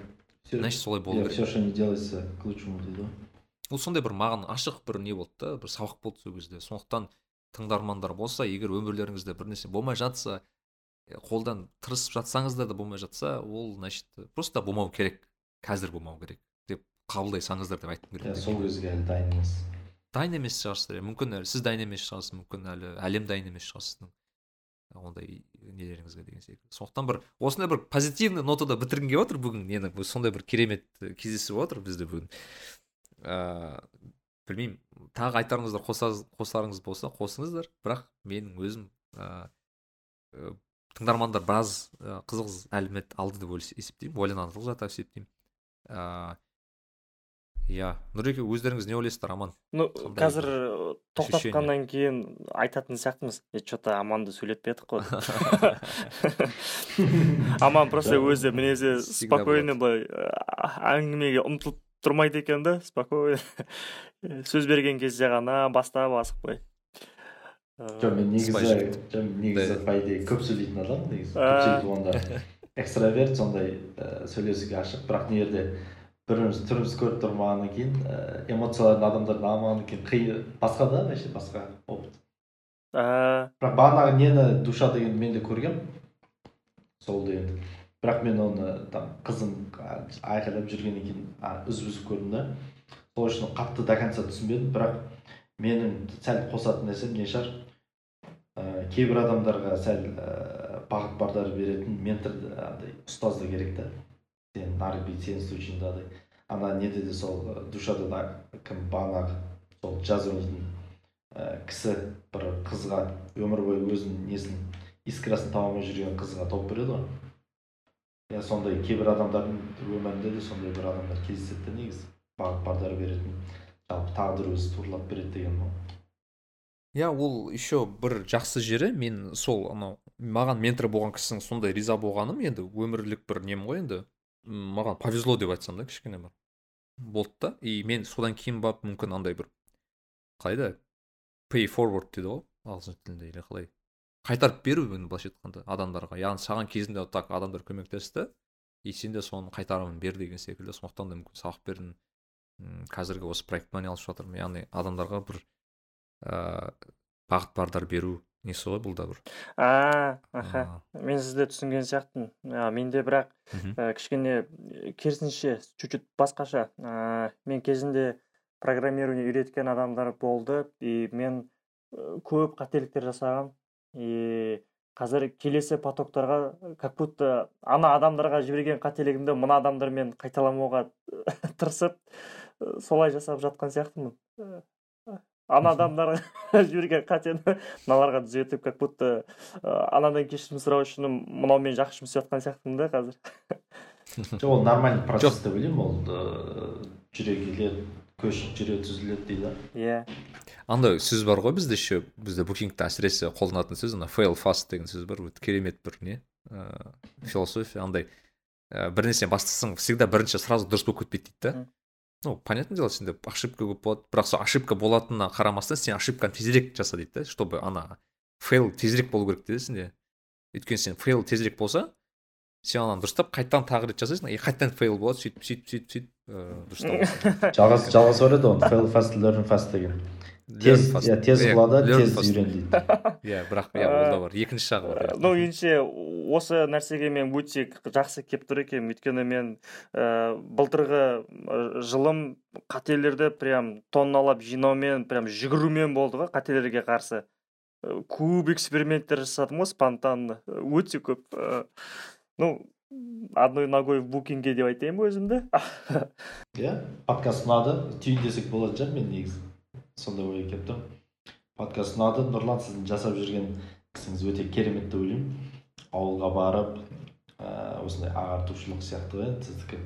Сондай барып білгеніңізді біліміңізді бөлісіп ә, сондай ауылдың жастарын ауылдың адамдарын ә, алға тартып отқандарыңыз ә, өте қуаныштымын.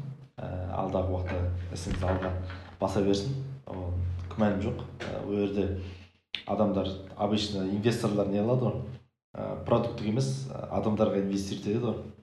Сол сияқтан сол себептен сізбен қазір бір екі сағат сөйлескеннен кейін менде ішінде бір ә, сенімділік пайда болып отыр да сізді тірлікті ары қарай алып жүріп кететініңізге. Мхм. Рахмет. Мен бірдеңе қосып жіберсем бола ма концовкаға? Ана инфакториал жайлы ше? Арман сүлейменовтің мектебі ғой білетін шығарсыздар енді? Иә. Иә иә сол кісілер жақында қазақша курс бастамақшы болды. Датасын да айтып примерно и соған мұғалім іздеді. Мен соған резюмені тапсырдым.